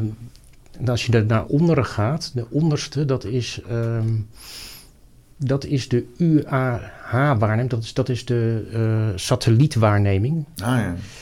En die is het meest accuraat, want die andere die zijn ook nog eens, uh, ja, daar, daar spelen andere zaken een rol nog. Uh, die niet altijd even zuiver zijn. Maar die, die satelliet is het meest accuraat. En daar zie je zelfs dat de meest uh, lage waarneming voor klimaatverandering, dus de meest, ja, hoe noem je dat? De, de, de, dus eigenlijk de eerste grafiek, Deze, waar, ja. dus, waar het redelijk nog gelijk loopt, naar de, ja, die de onderste. Zelfs daar is die werkelijke waarneming lager dan de modellen. Dus het, het, model wat er dus eigenlijk gebruikt wordt. En daaraan zie je dus dat die modellen gewoon helemaal niets voorspellen eigenlijk. Gewoon totaal... Uh, is gewoon, uh, gewoon uit de lucht gegrepen. Kijk, een model wat, past bij ons verhaal? Hier heb je een model. Precies, zeg maar. ja. Dat, een model is natuurlijk heel leuk, maar het is zo goed als de data die je erin stopt. Ja. En dat doen ze dus voortdurend. Uh, hebben ze bij de coronapandemie gedaan, hebben ze, doen ze nu weer met klimaatpropaganda, stikstofpropaganda, et cetera, et cetera. Je ziet gewoon dat ze die modellen gebruiken om het meest voordelige uh, naar boven te halen wat voor de propaganda goed is. Ja. En daarom zijn wij ook heel erg tegen. Uh, wij zijn voor concrete wetenschappelijke uh, data. we kijken gewoon, ja, wat is echt onderbouwd? Nou, dan zien we eigenlijk dat als je naar klimaat kijkt, kijkt zeggen ze dat 97% uh, van de mensen uh, dat daar consensus over is. Nou, het is 0,3% Als je, als je die data goed bekijkt, is er maar 0,3% consensus onder wetenschappers. Ja. Dus zijn hele en dan zeggen ze, dan echte... komen ze met cijfers met 97% van de wetenschappers Precies. zeggen dat dit... Ja, ja. Ja. Er zijn dus, dus enorm veel wetenschappers, en dat zijn dan de echte klimaatwetenschappers, die allemaal niet het IPCC-rapport uh, uh, schrijven. Hè. Um, ja, die, uh, die zeggen echt wel andere dingen dan, dan wat, wat nu in de propaganda wordt gezegd.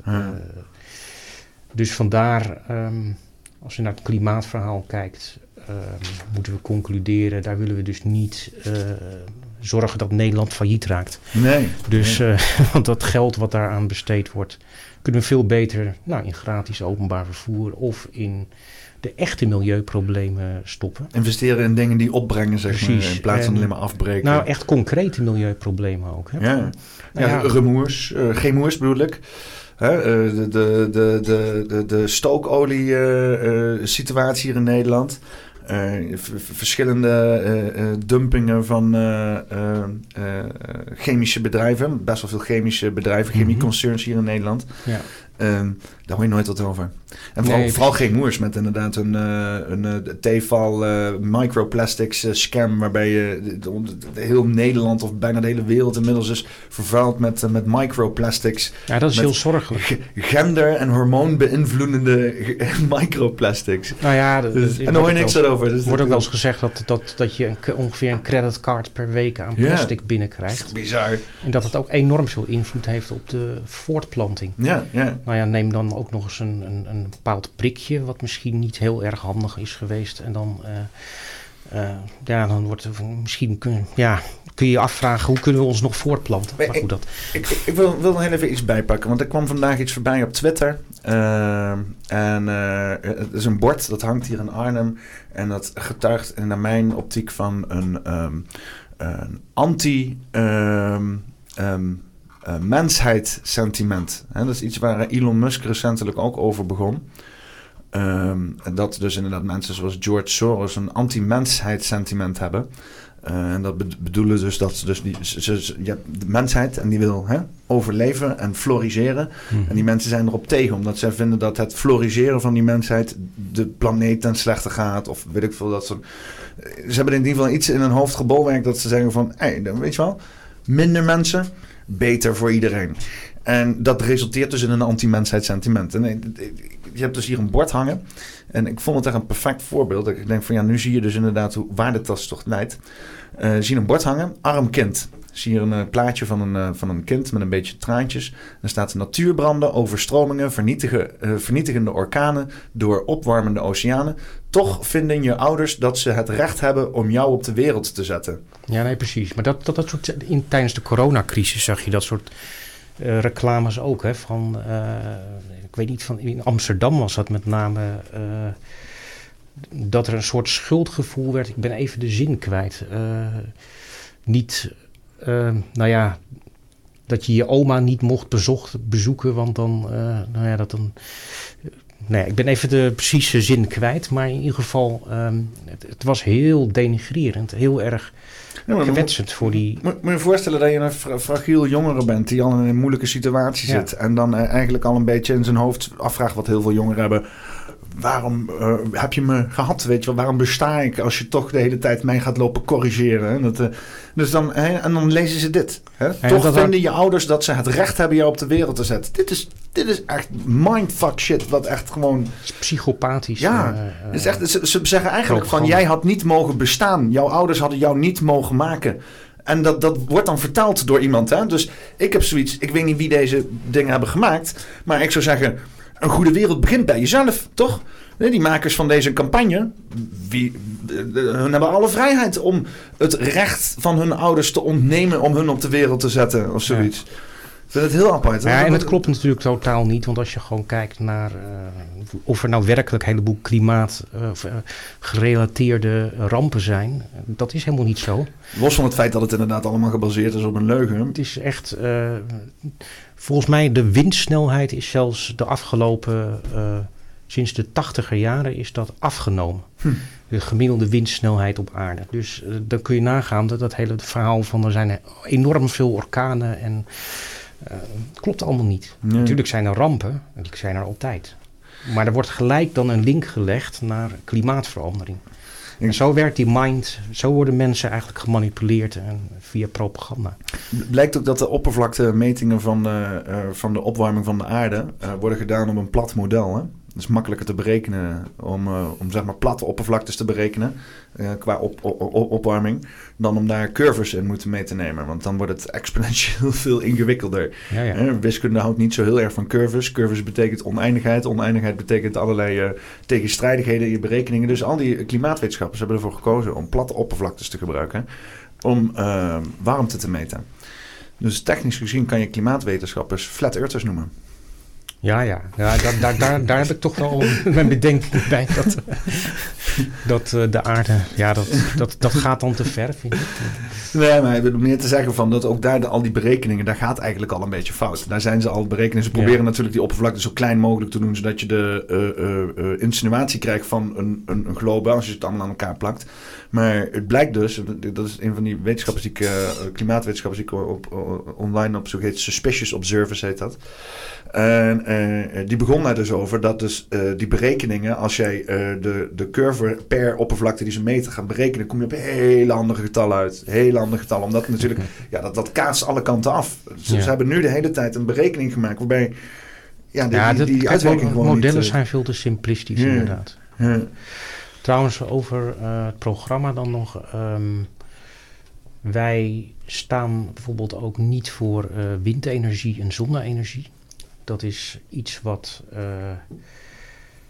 als we kijken naar windenergie en zonne-energie, dat is maar 6% van de totale energie wat, Ja. wat men nu gebruikt in Nederland. Is bij lange na niet genoeg om. eh, dan zou je echt heel Nederland moeten volbouwen met eh, windmolens en eh, ja, zonnepanelen. dan kom je er nog niet. Dan kom je er nog niet. En het is een hele onbetrouwbare vorm van energie. Kunnen mensen natuurlijk wel nagaan. Ik vond het wel mooi om te relativeren dat als jij van zonne- of windenergie volledig je hele maatschappij wil runnen, dan moet je voor de dagen dat er geen zonne- of windenergie is, evenveel conventionele installaties hebben Ja. Om, om die klap op te vangen, ook al zou je ze niet altijd gebruiken. Dus je, je moet altijd evenveel eh, andere vormen van opwekking van energie hebben, wil je duurzame energie laten werken, aangezien ja, gewoon niet altijd en het waait en de zon schijnt. En dan heb je natuurlijk die biomassacentrales. Nou, dat is natuurlijk al helemaal een ramp. Dat, eh, dat, dat bestaat uit ongeveer 25% van de totale energieleveranties. In bestaat Nederland? uit hè? ja, biomassacentrales. Het is gewoon hout in de fik steken. gewoon hout in de fik steken. Ja. En eh, dan denken ze dat dat dus CO2-neutraal is. En ondertussen- gelooft in dat verhaal. Ondertussen willen ze in Utrecht willen ze verbieden dat jij eh, hout steekt in je achtertuin. Hè? Mag je niet meer een vuurkorfje beginnen. Mag nee, niet. precies. ja. Maar wel biocentrales eh, allemaal. eh, het, het is Ja. heel... En, eh, het wordt ook nog verscheept vaak vanuit andere Ja. landen. Vanuit Op, stookolie, waar echt de Precies. meest ranzige rotzooi in zit. Ja. We, hebben wel eens de documentaire Beerput Nederland gekeken. Eh, nee, dat Da- leggen ze heel mooi uit hoe nucleair afval wordt verwerkt in stookolie zo nu en dan. Omdat eh 10% of 15% van de stookolie, dat mag letterlijk alles zijn. Maakt niet uit, whatever. Kwam Ja. gewoon meuks en die shit is zo dik, zo, zo rigide. Dat gaat toch wel gewoon in de fik in die boten. Dan kan je voor 10% kan er gewoon alles in gooien. Je schoonmoeder, eh, de, de president, eh, al je tuinafval, alles kan je erin gooien. Ja. Nee, maar, dat is, maar dat doen ze dus nucleair afval in verwerken, zo nu en dan als ze de kans krijgen. En dat sturen ze dan internationale water op. Zo van, doei, staat niet bij ons op de rekening. En, voilà. en dan met die boten laten ze dan duurzame materiaal komen. Hout, voor de, maar ook olie nu, hè, want olie mag niet uit Rusland komen, dan moet uit Amerika komen. Gaat allemaal met de boot, gaat allemaal met stookolie, gaat allemaal, het is allemaal extra milieuvervuiling. Ja. Nee, maar goed, eh, waar we dan wel voor zijn. Kijk, biomassa-centrales, dat is natuurlijk gewoon een scam. Dat, uh, dat werkt. voor Ik bedoel, Hoe ze dat verkocht hebben aan de massa's. Echt... Nou ja, dat snap ik dus. Kijk, ze, ze zeggen dus dat, uh, dat het geen fossiele brandstoffen zijn. Want het, het is, zijn normale bomen. Ja. Dus dat plant, maar ja, die, die, moet je dan wel weer aanplanten. Dus dat, dat duurt dan weer uh, 30, 40 jaar voordat je die bomen hebt.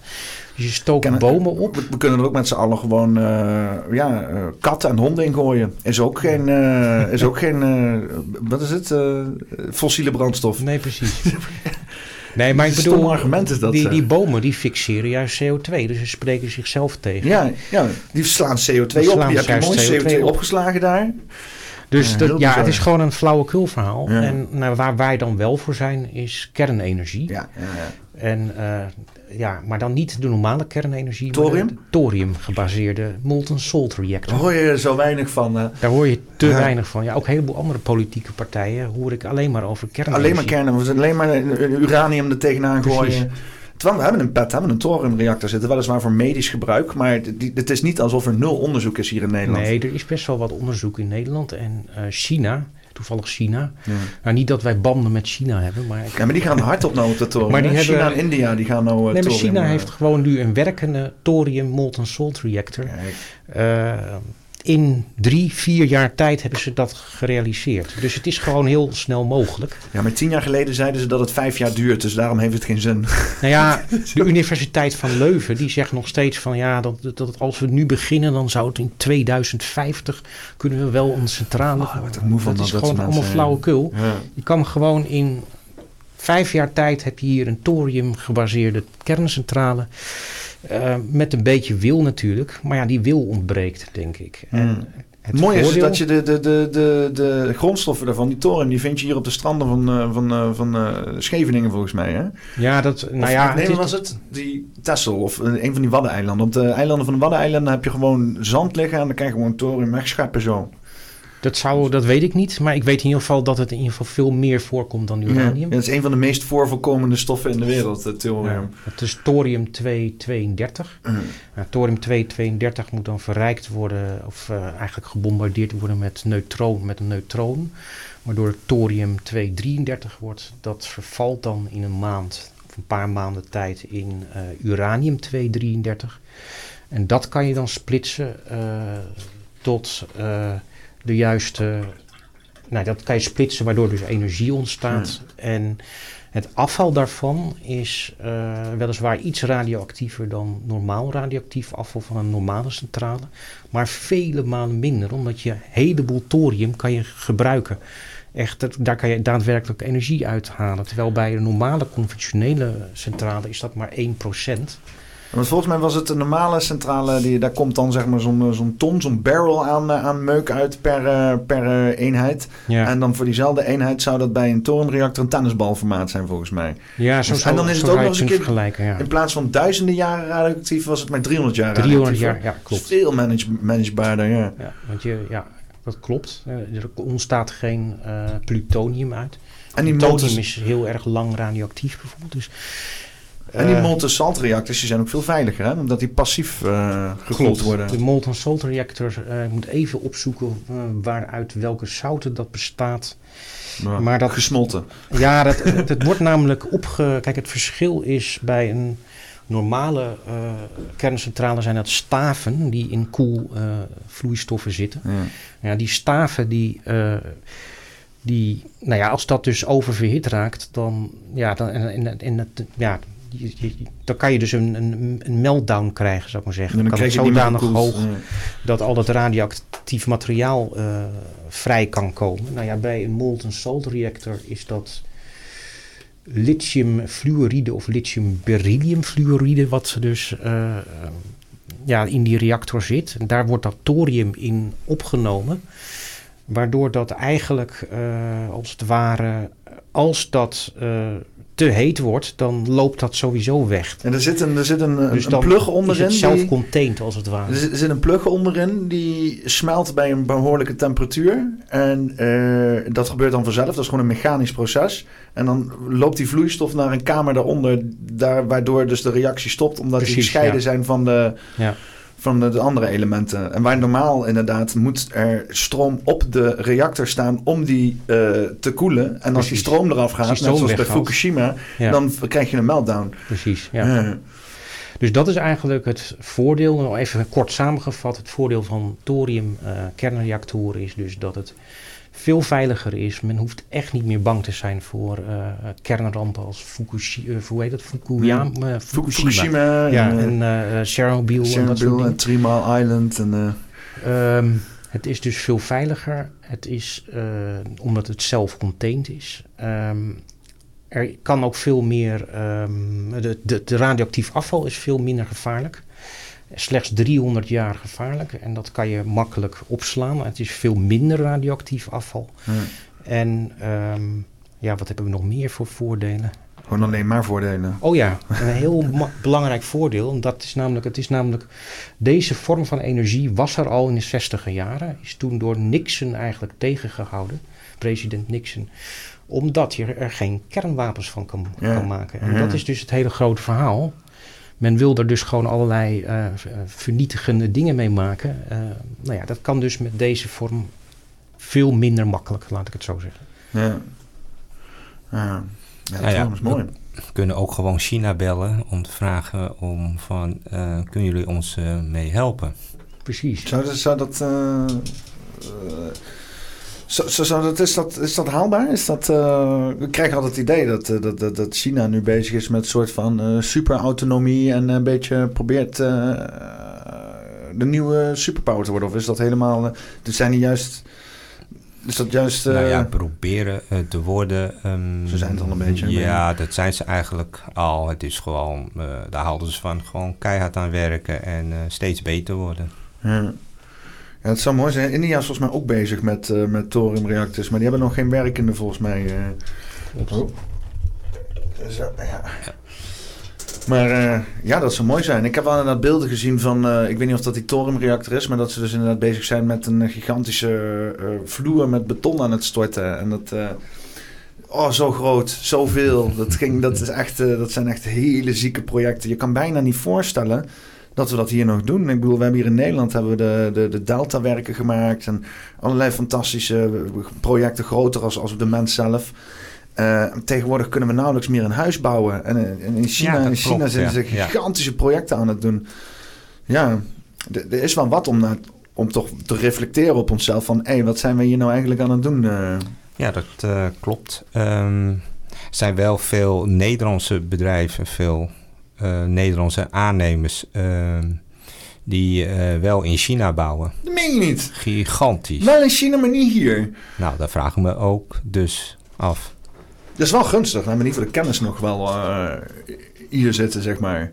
Ja, maar waarom doen ze het niet hier dan? Ja, dat is, dat, dat is een goede vraag. Dat is een hele goede vraag. En inderdaad. snel, Ja. als het moet. ja. Snap je? meer, meer bouwen in Nederland. Ja. Nou, laten we maar over de sociale woningen hebben. Aha, kijk. Want het is eh, behoorlijk tekort eh, in Nederland. Ehm, we komen meer dan 1 miljoen sociale woningen tekort. En eh, ja, hoe gaan we dat oplossen? Hoe gaan we dit oplossen?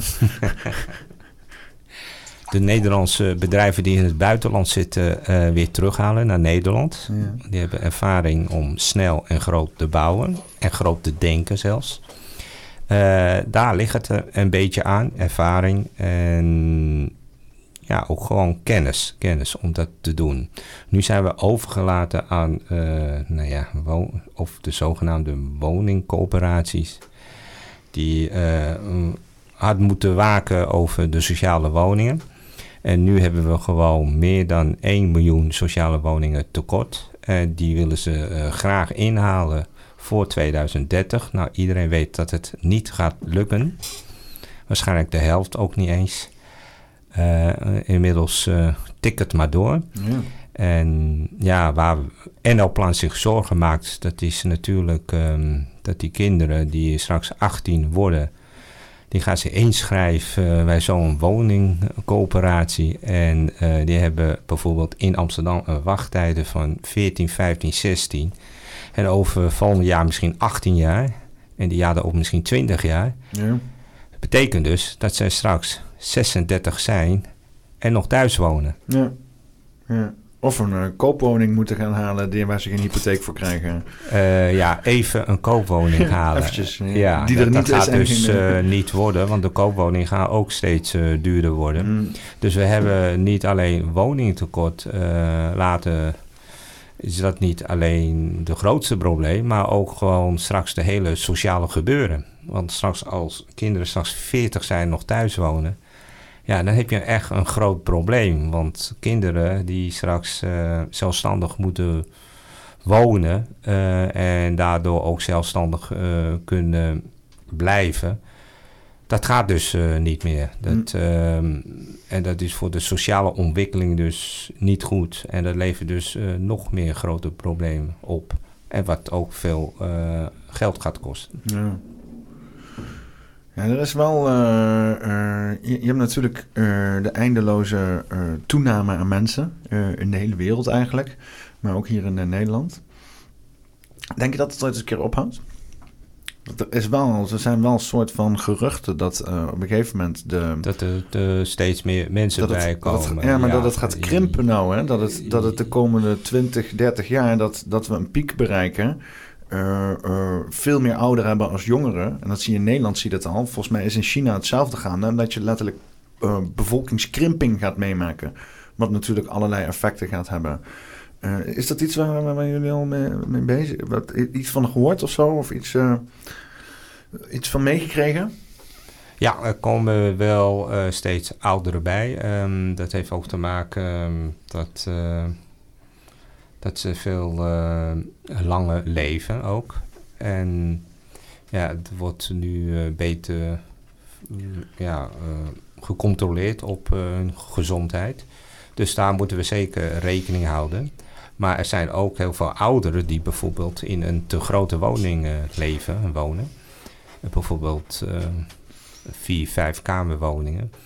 Ja, die kunnen, als ze het zelf willen naar een andere woning gaan. Mm. Maar dat hadden ze gewoon al eerder moeten beginnen. En uh, nu is het gewoon een moeilijke verhaal, omdat je nu gewoon woningen moet bijbouwen. En als je mo woningen moet bijbouwen of moet bouwen, dan heb je, ja, dan heb je een groot probleem. Dat heeft te maken met het stikstofbeleid, die de tegenstellingen hebben om te gaan bouwen. En want dat de tegenstelling van het van het uh, stikstofbeleid uh, belemmert, vertraagt het bouwen. Dus de overheid had hier eerder in moeten grijpen en met een plan moeten komen om dit soort zaken op te lossen. Een NL-plan heeft wel uh, bepaalde ideeën, plannen gemaakt. Dat is bijvoorbeeld transformeren van bestaande gebouwen. Ja, nou ja. Dus daar hadden ze eerder kunnen beginnen, moeten beginnen. sinds kort is er een meldplicht. Als jij een pand hebt en die staat een tijdje leeg, uh, moet je dat melden. Um, ik weet dat uh, uh, nu hier en daar wat gebeurt. Ze melden wat, maar is ook niet nageleefd. Dus ja, dan werkt het natuurlijk ook niet nee. helemaal. Mm. Uh, maar sinds kort zeiden ze van ook dat, dan, dat je een soort boete krijgt en dat ze dan een beetje druk opzetten. Maar dat hadden ze al lang moeten doen. Dus leegstaande panden zijn er nog veel te veel van. Dan kan je makkelijk transformeren in uh, bijvoorbeeld uh, woningen of uh, woningen voor studenten. Daarmee los je al heel veel op. Dat is één. En twee kunnen we ook denken aan optoppen van bestaande gebouwen. Waar je dus één of twee lagen, um, twee bouwlagen maakt. waar je dus bijvoorbeeld studentenwoningen van kan maken. Met een gemeenschappelijke keuken of gemeenschappelijke ruimte waar ze bij elkaar kunnen komen of kunnen studeren, waardoor je dus uh, ruimte bespaart, maar ook om dat het niet zo zwaar wordt. Dus dat je bijvoorbeeld in plaats van één, uh, twee uh, bouwlagen kan bouwen. Je moet natuurlijk wel op de fundering letten en waar het is enzovoort. daar is de constructiebureaus dus weer voor. Mm. Er zijn allemaal oplossingen die ze dat kunnen doen, maar het gebeurt gewoon te weinig. Uh, en los daarvan hebben we ook uh, tiny houses, uh, we hebben flexwoningen, we hebben kangoeroewoningen. Maar we hebben ook... Kangoeroewoningen? Ja, dat is bijvoorbeeld als een één oude persoon die in een woning woont en uh, ja, het is te groot. Meestal is het te groot als de kinderen van huis, uh, uit huis uh, gaan. ja, is het een beetje te groot, dan kunnen ze bijvoorbeeld een, een student in de woning zetten, dat ze dan twee woningen van kunnen maken. Van, vanwege de buidel van de kangoeroe of zo? Of? Ja, dat is een soort buidel ah. dan, uh, dat hij een beetje kan opvangen. Dus vandaar kangoeroewoning. Ah, okay, ja, ja. Maar dat zijn allemaal mogelijkheden. En aan de andere kant heeft het ook zijn voordelen. Dat uh, diegene ook een beetje op die ouder kan letten. Ah, ja, ja. Want, uh, kan helpen met de computer en zo? ja, bijvoorbeeld. Of diegene is gevallen. En als diegene gevallen is, gaan ze meestal... komt het niet goed. Maar als er iemand is die daar een beetje op let, dan uh, scheelt het weer. Ja. Dus uh, zo, en we hebben allemaal uh, personeeltekort met zorg enzovoort enzovoort. Dus daar los je ook een beetje op. Dus een beetje meer inzetten, meer creativiteit en bereik je gewoon veel meer. Ja, een beetje meer oplossingen vanuit de samenleving, met de samenleving. Gewoon doen in plaats wat van... er is. En uh, ja, en dan moet je wel doen. En niet de hele tijd gaan afwachten. We zitten nu wel weer bijna 2024, dus er blijven zes jaar over. En in plaats van. Zes dat, jaar over tot wat? 2030. Wat, wat, wat, wat, gebeurt er op 2030? Nou, in 2030 hadden ze gezegd dat er uh, 1 miljoen uh, woningen gebouwd uh, oh, zouden, ja, ja, gerealiseerd ja, zouden worden. Maar dat gaan ze niet redden als ik uh, zo zie. Ja. Nee, maar kijk, los daarvan moet er natuurlijk wel gewoon ook gebouwd worden. Uh, kijk, natuurlijk, we moeten eerst de leegstand en al die uh, andere mogelijkheden onderzoeken. Daar ben ik het absoluut mee eens. Maar er moet sowieso wel gebouwd worden om. ja, mm, ja gewoon... maar er wordt nu dus niks gebouwd. Nee. Want dat heeft te maken met nou ja, het is te risicovol om iets te bouwen voor een aannemer. Maar en de woningcoöperaties die zeggen ook van ja, daar hebben we geen geld meer voor. Dus alles uh, stagneert. En uh, ja, dan moet de overheid dus ingrijpen. Ja. Dus desnoods uh, hou je die, al die woningcoöperatie weer terug. dus alles terug naar de overheid. die moeten zorgen dat er so genoeg sociale woningen zijn. En trouwens, ehm, de overheid is ook de grootste werkgever van Nederland. En die hebben best wel bepaalde. Zo'n de helft van, uh, helft van werkend Nederland werkt uh, direct of indirect voor de overheid of zo. Hè? Dus, uh... Ja, wel in die richting. Ja, dat klopt. Dus, en mensen die daar zitten, um, die hebben een bepaalde functie of kwaliteiten. Die moet je dus inzetten om soms ook dingen voor elkaar te krijgen, zoals projectontwikkeling. Ja. Uh, dus het bouwen zelf. Misschien moet de overheid zelf uh, de woningen gaan bouwen. Nou ja, kijk wat, het is. Kijk, met die woningstichtingen. Vroeger waren dat woningbouwverenigingen. Dat is een, en dat is op een gegeven moment is dat omgegaan, omgezet naar stichtingen. En die stichtingen zijn allerlei BV's uh, gaan opzetten om daarmee te speculeren op de beurs en met vastgoed te speculeren. En dat moet gewoon eruit. Die woningbouwverenigingen moeten weer echt verenigingen worden zodat uh, het van de bewoners is. Hè? Want dat is een vereniging. Als je een vereniging bent, dan is het ook gewoon van de bewoners. En dan hebben de bewoners daar ook uh, gewoon uh, ja, volle recht in om in beslissingen rondom die vereniging. Nou ja, dat moet weer terug. Ik merk dat hier in de flat al, dat er dus inderdaad Vivare, die dit allemaal heeft, ja, toch dik een ton aan, aan huur binnenhaalt per mhm. flatgebouw ja, per maand. Uh, en dan zie je waar wij nog meer allemaal extra aan betalen aan de, de, de stroom buiten ons huis nog. Hè? Dus de elektriciteit, de lampen, de kachels op de gang die er niet zijn. Um, de onderhoud, schoonmaken van dingen, moeten we ook voor betalen nog. Vast, nou, dan liggen hier op het dak liggen allemaal zonnepanelen. Los van dat betaal ik gewoon de volledige hoofdprijs voor uh, stadsverwarming. die afgesteld wordt op de uh, gasprijs die uh, wordt gezet ja. door de markt. en dan vervolgens betaal ik ook nog eens een keer gewoon aan de Nuon of aan Vattenfall hier mijn stroomcontact. Dus ik ben iets van 250 euro per maand kwijt aan elektriciteit. Dan nog een extra 150 euro per maand aan gezamenlijke kosten. Uh, en dan heb ik er nog niet eens over mijn kale huur. Want dan komt er ook nog eens een keer 700 bij. Ik zit te denken van wat... Ik bedoel, het is een mooie woning. Hè, een mooi uitzicht. Ik, ja. ik heb niks te klagen. Uh, uh, maar ik, ik, vraag me, wat is hier sociaal aan? Dit is, ik, ik bedoel, ik, ik, kan, ik kan het op zich nog wel opbrengen. Maar net nog. Ja. ja. Eh, in mijn eentje is het erg lastig. Maar het zijn me nogal niet bedragen. Ik betaal, betaal je gewoon 11, 1200 euro in de maand om in mijn eentje hier gewoon te wonen in een sociale huurwoning. Ik denk, hoe doen andere mensen dat in godsnaam? Ja, dat is ongelooflijk. Want als, je- als je dat vergelijkt met... Ik heb een koopwoning. En ik eh, betaal nu... Ja, ik heb het precies goed in- ingepakt... dat ik goed met, eh, met de rentepercentage zit. Eh, oh, doet mijn camera het niet? Ik weet niet wat hier gebeurt de hele tijd, maar gaat de hele tijd uit. Heel vervelend. Oh, daar is je weer. Oké. zullen we over...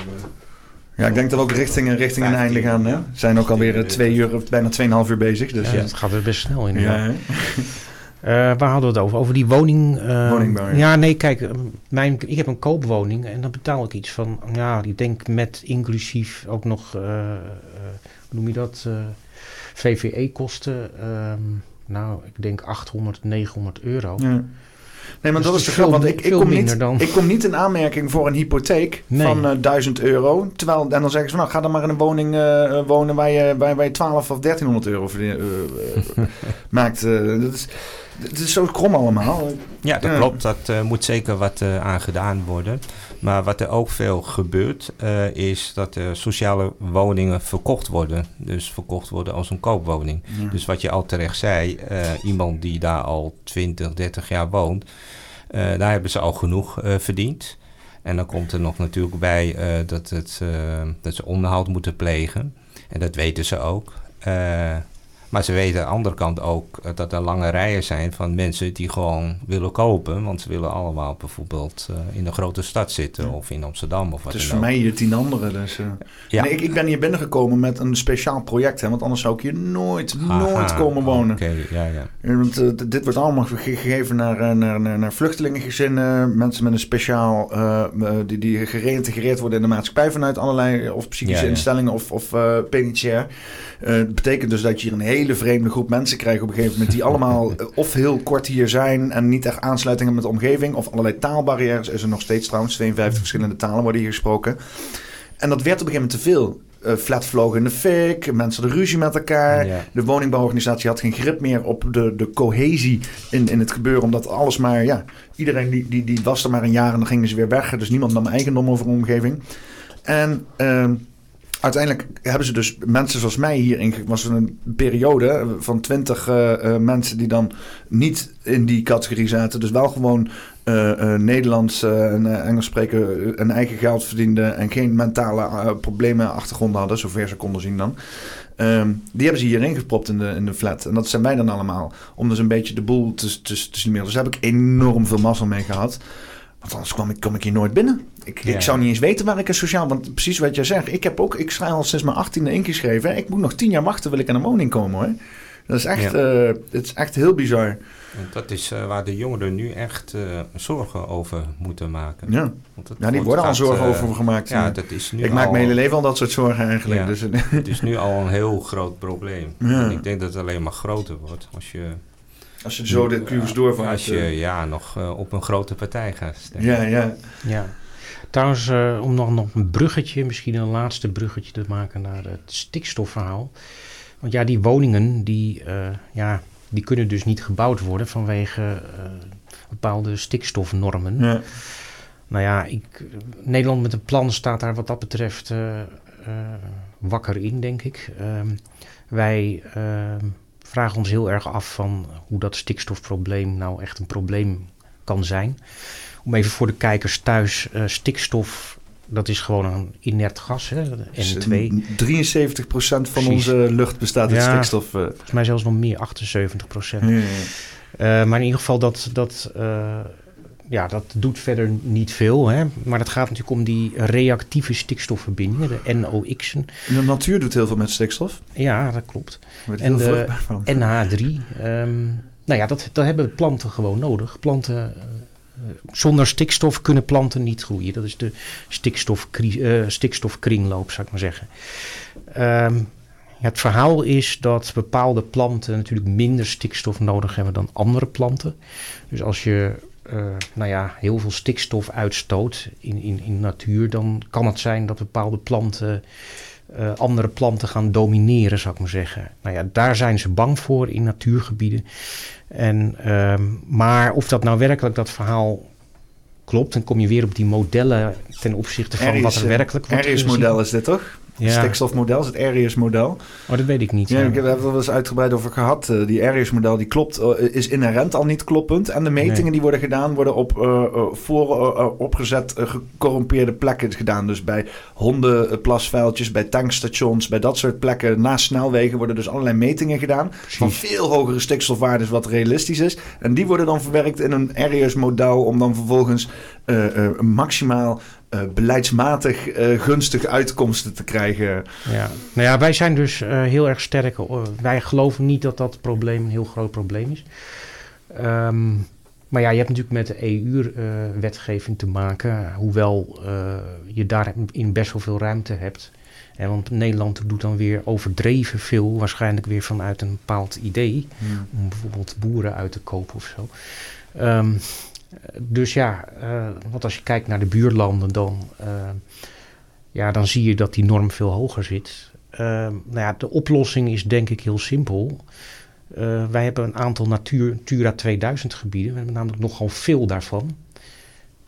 maar dat zijn gewoon gebieden die zo genoemd zijn. Dus we zijn natuurlijk wel voor het beschermen van de natuur. Ja, bescherm dan gewoon een aantal grote Natura 2000 gebieden. Daar doe je dan alles aan. En zorg, dus daar kunnen inheemse planten gewoon lekker uh, leven. Ja. En zorg dan dat je een heleboel kleine gebieden, want Nederland heeft een heleboel kleine gebiedjes. Ten opzichte van uh, Frankrijk bijvoorbeeld, die maar een aantal grote gebieden heeft. Uh, ja, is dat natuurlijk voor Frankrijk veel makkelijker dan voor Nederland. Ja. Nou, schaf dan gewoon die kleine gebiedjes af. En zorg dat dat dus geen Natura 2000 gebieden meer zijn. En ja, dan, heb je dus, dan kan je een veel grotere norm uh, maken, waardoor je dus, uh, als die berekening ook klopt, maar goed, dat is even een ander verhaal, um, waardoor je dus die boeren gewoon helemaal niet hoeft uit te kopen. Die boeren die overigens al uh, decennia het stikstof al hebben gereduceerd. Ja, geteisterd te worden door overheidsbelagen en elke keer maar mee proberen te werken. En, is sterker nog, ik heb een heel mooi verhaal. En was een boer en die heeft dus op een gegeven moment uh, op zijn eigen land uh, gedaan aan natuurontwikkeling. Hè? Dus een, een, stukje van zijn land opgeofferd om gewoon wilde natuur te laten groeien. En dat heeft hij zo goed gedaan dat het op een gegeven moment gemarkeerd werd als een Natura 2000 gebied. Hartstikke mooi. Nu moest hij gaan verplaatsen met zijn boerderij omdat hij naast een Natura 2000 gebied zat. Ja, ja. Dat is, dat is dus, de, dat is dus dat is het niveau van, de, van, van ja. die bureaucratie. Het, het, slaat, het, is, het, het slaat zo, het is helemaal op hol geslagen, dat hele klimaatbeleid. En dat stikstof, het CO2 is al natuurlijk heel obscuur, maar het, het stikstofbeleid is zo vaag. En dan heb je inderdaad die de, natuur, stikstof, uh, uh, fertilizer, hoe noem je dat? Um, ja, kunstmest. Kunstmest, ja. dat is stikstof. Ja, dat, klopt, dat, dat, is, de planten groeien op stikstof. En dan, het is, ja, ik heb nou, het is zo raar uh, dat, ze, dat ze op een of andere manier dat zo hebben weten te verweven. Alsof stikstof op een of andere manier een klimaatprobleem zou moeten zijn. Um, nou, klimaatprobleem noemen ze het niet, maar uh, ja, het is in ieder geval een probleem. Dat is een dikke verstikkende lagen over de gasten. Oh ja, dat, was, dat, dat, zeg je Rob Jetten, hè? Ja, ja, ja. Ja, het is ongelooflijk. Maar in ieder geval... Volgens mij kan je dat hele Arius-model gewoon de deur uitgooien. Kijk, gewoon, uh, dat, dan volgens mij dan doe, dan doe je echt heel veel mensen een plezier. En de natuur, inclusief de natuur. Nee, maar goed. Wij zijn dus heel, heel sterk voor om de boeren gewoon te laten boeren. Mm. Uh, niet uitkopen, gedwongen. Wel moet ik zeggen dat misschien op termijn... Ja, we zijn natuurlijk niet zo voor megastallen. En nee. Dat dierenleed mag... ja, dat moet gewoon zo, zo minimaal mogelijk zijn. Dus in die zin... Boeren ook weer klein laat zijn, dan hoeven ze ook die megastallen niet te doen. Ze zijn ook heel erg lang gestimuleerd hè, om ja. zo te, te boeren. Bijna, bijna uh, uh, gegijzeld gehouden door Rabobank om uh, gedwongen grote investeringen te moeten doen, omdat zij anders ja. werden uitgefaseerd qua financiën. Ja. Nou. Dus ja, ik denk dat, nou ja, qua stikstof, nou ja, dat geldt natuurlijk ook voor de bouw. we moeten ook bouwen. Ja, als ik het goed begrijp, dan en een plan die uh, is gewoon inderdaad eh, behoorlijk overheidskritisch. Uh, heeft inderdaad gewoon een paar echt hele concrete oplossingen voor zowel milieu in, in de vorm van eh, bouwen en vervoer op te lossen. eh, en ook een paar heel beleidsmatige, eh, eh, ja, structurele oplossingen voor, eh, voor, voor zaken waar nu inderdaad heel, heel, heel eh, emotioneel over wordt gepraat. Mhm. Eh, en- en daarin ook nog gewoon eh, waar je dan volgens mij wel onderscheidt van overheidskritisch. Want overheidskritisch wordt toch vaak iets wat eh rechtsig tegenwoordig. Eh, ik weet niet precies waarom.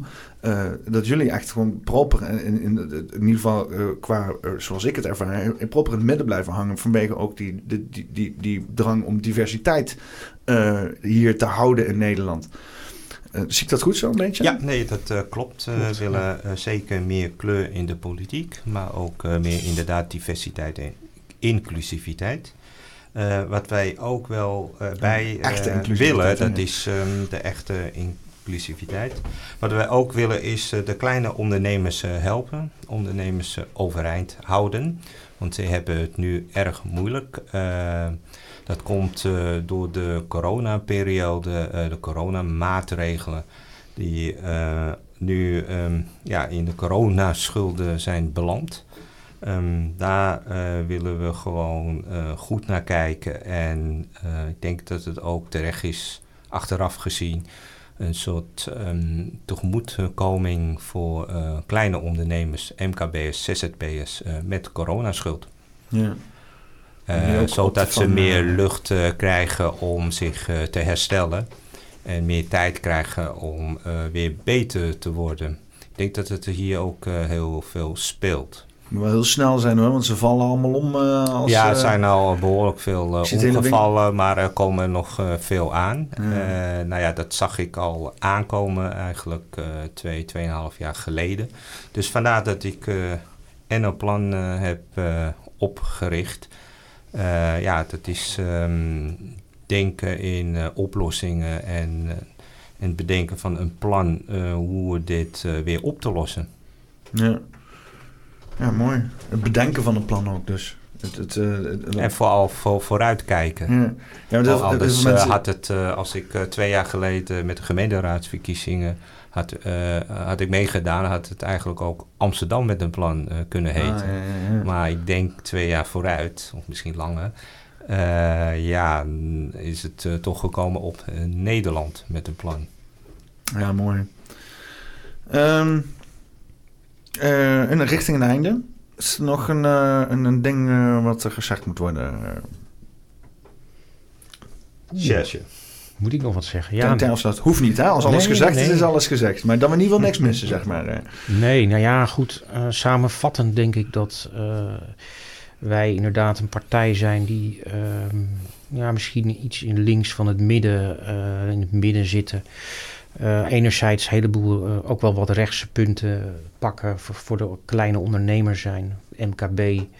Maar ook voor eh, de, de, de echte mensen in de, ja, de, de, de kwetsbaren in de samenleving, zou ik maar zeggen. Bijvoorbeeld het minimumloon 15 euro, dat soort dingen.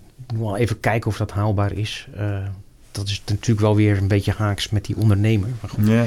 Ehm, verder eh, zijn we een groene partij, dus voor het milieu, maar voor de echte milieuproblemen. Niet voor de eh, eh, ja, pseudo klimaatproblemen. klimaatonzin. en ehm, Ik noem het altijd klimaatmegalomanie. Denken Ja. dat ze het kli- klimaat kunnen veranderen. Precies, ja. Stikstof, ja, boeren kopen we niet uit. Eh, boeren mogen gewoon lekker hun gang gaan.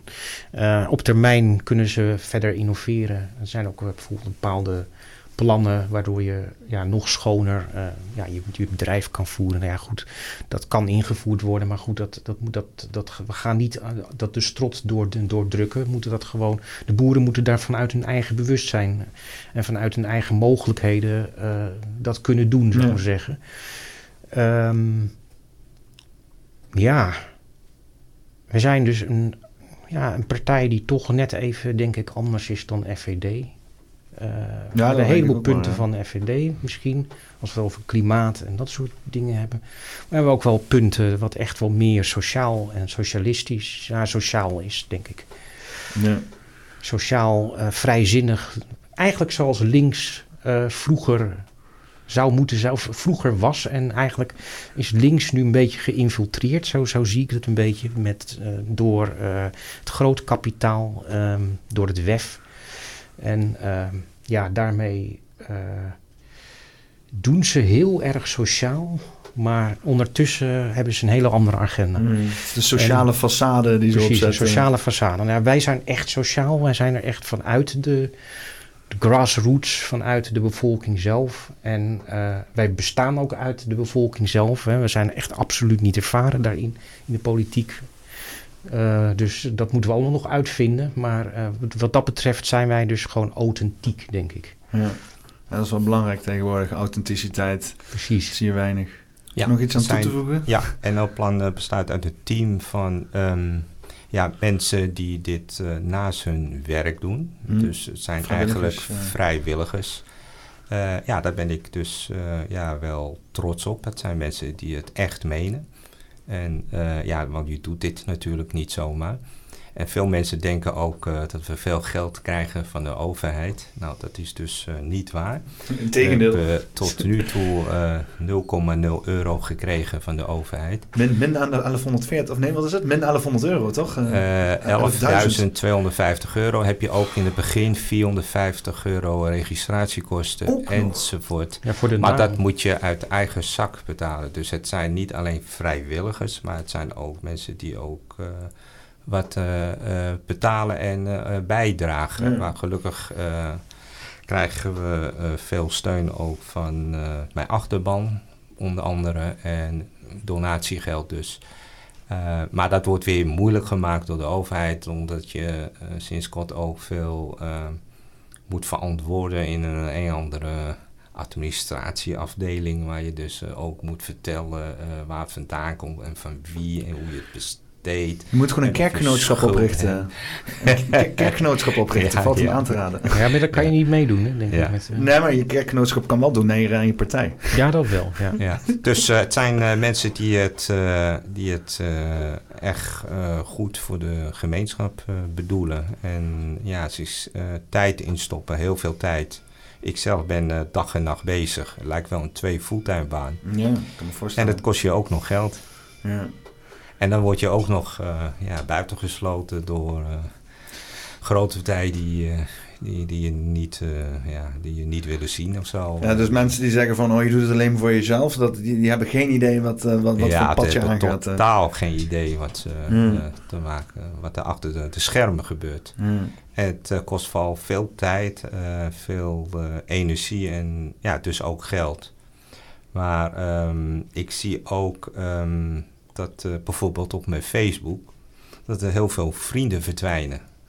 Dat komt er ook nog bij. Nee, dat zijn mensen die uh, waarschijnlijk een andere politieke voorkeur hebben of krijgen. Mensen maken het ook zo onderdeel van hun identiteit. Hè? Dat is ook echt. Uh... Niet dat het heel veel uitmaakt, maar ik zie wel als ik elke keer iets post, dan verwacht je nou, krijg je inderdaad veel leuke reacties. Maar je ziet ook dat er tientallen mensen gewoon weggaan. Dat is apart. Ik zou Facebook ook niet vertrouwen hoor. Dat, uh, dat, nee, dat, is ook uh, allemaal. Snap ik, ja. nou, ik ben hartstikke blij jullie het nog kunnen hebben ontvangen zo voor de verkiezingen. Dat was heel even, even, even een beetje plannen hier en daar, maar het is allemaal goed gekomen. Dus het is ons gegund. En ja, ik, ik, hoop dat we volgende week een interessant debat gaan hebben met de vier partijen. Nog eventjes zo op de valreep. En dan ja, daar kijk ik wel naar uit, eerlijk gezegd. Uh, ik hoop dat er in ieder geval uh, flink wat meer mensen zijn geïntroduceerd uh, aan Nederland met een plan. Um, we sluiten hier altijd even af met het bedenken van een titel. Um, zijn er, hebben jullie slogans of bepaalde dingen die, woorden die genoemd moeten worden? Kan het gewoon Nederland met een plan noemen natuurlijk. Ja, Nederland met een plan is al een slogan, is al een boodschap, ja. is al een oplossing met een plan. Dus hierbij wil ik mee afsluiten. Nou, is goed. Dan uh, is dit uh, Poppenkast nummer 146. Nederland met een plan met uh, Kok en uh, Sergej. Sergej. Ja, sorry. Mijn namen zijn altijd net zo goed. Kok en Sergej, hartstikke bedankt dat jullie hier waren.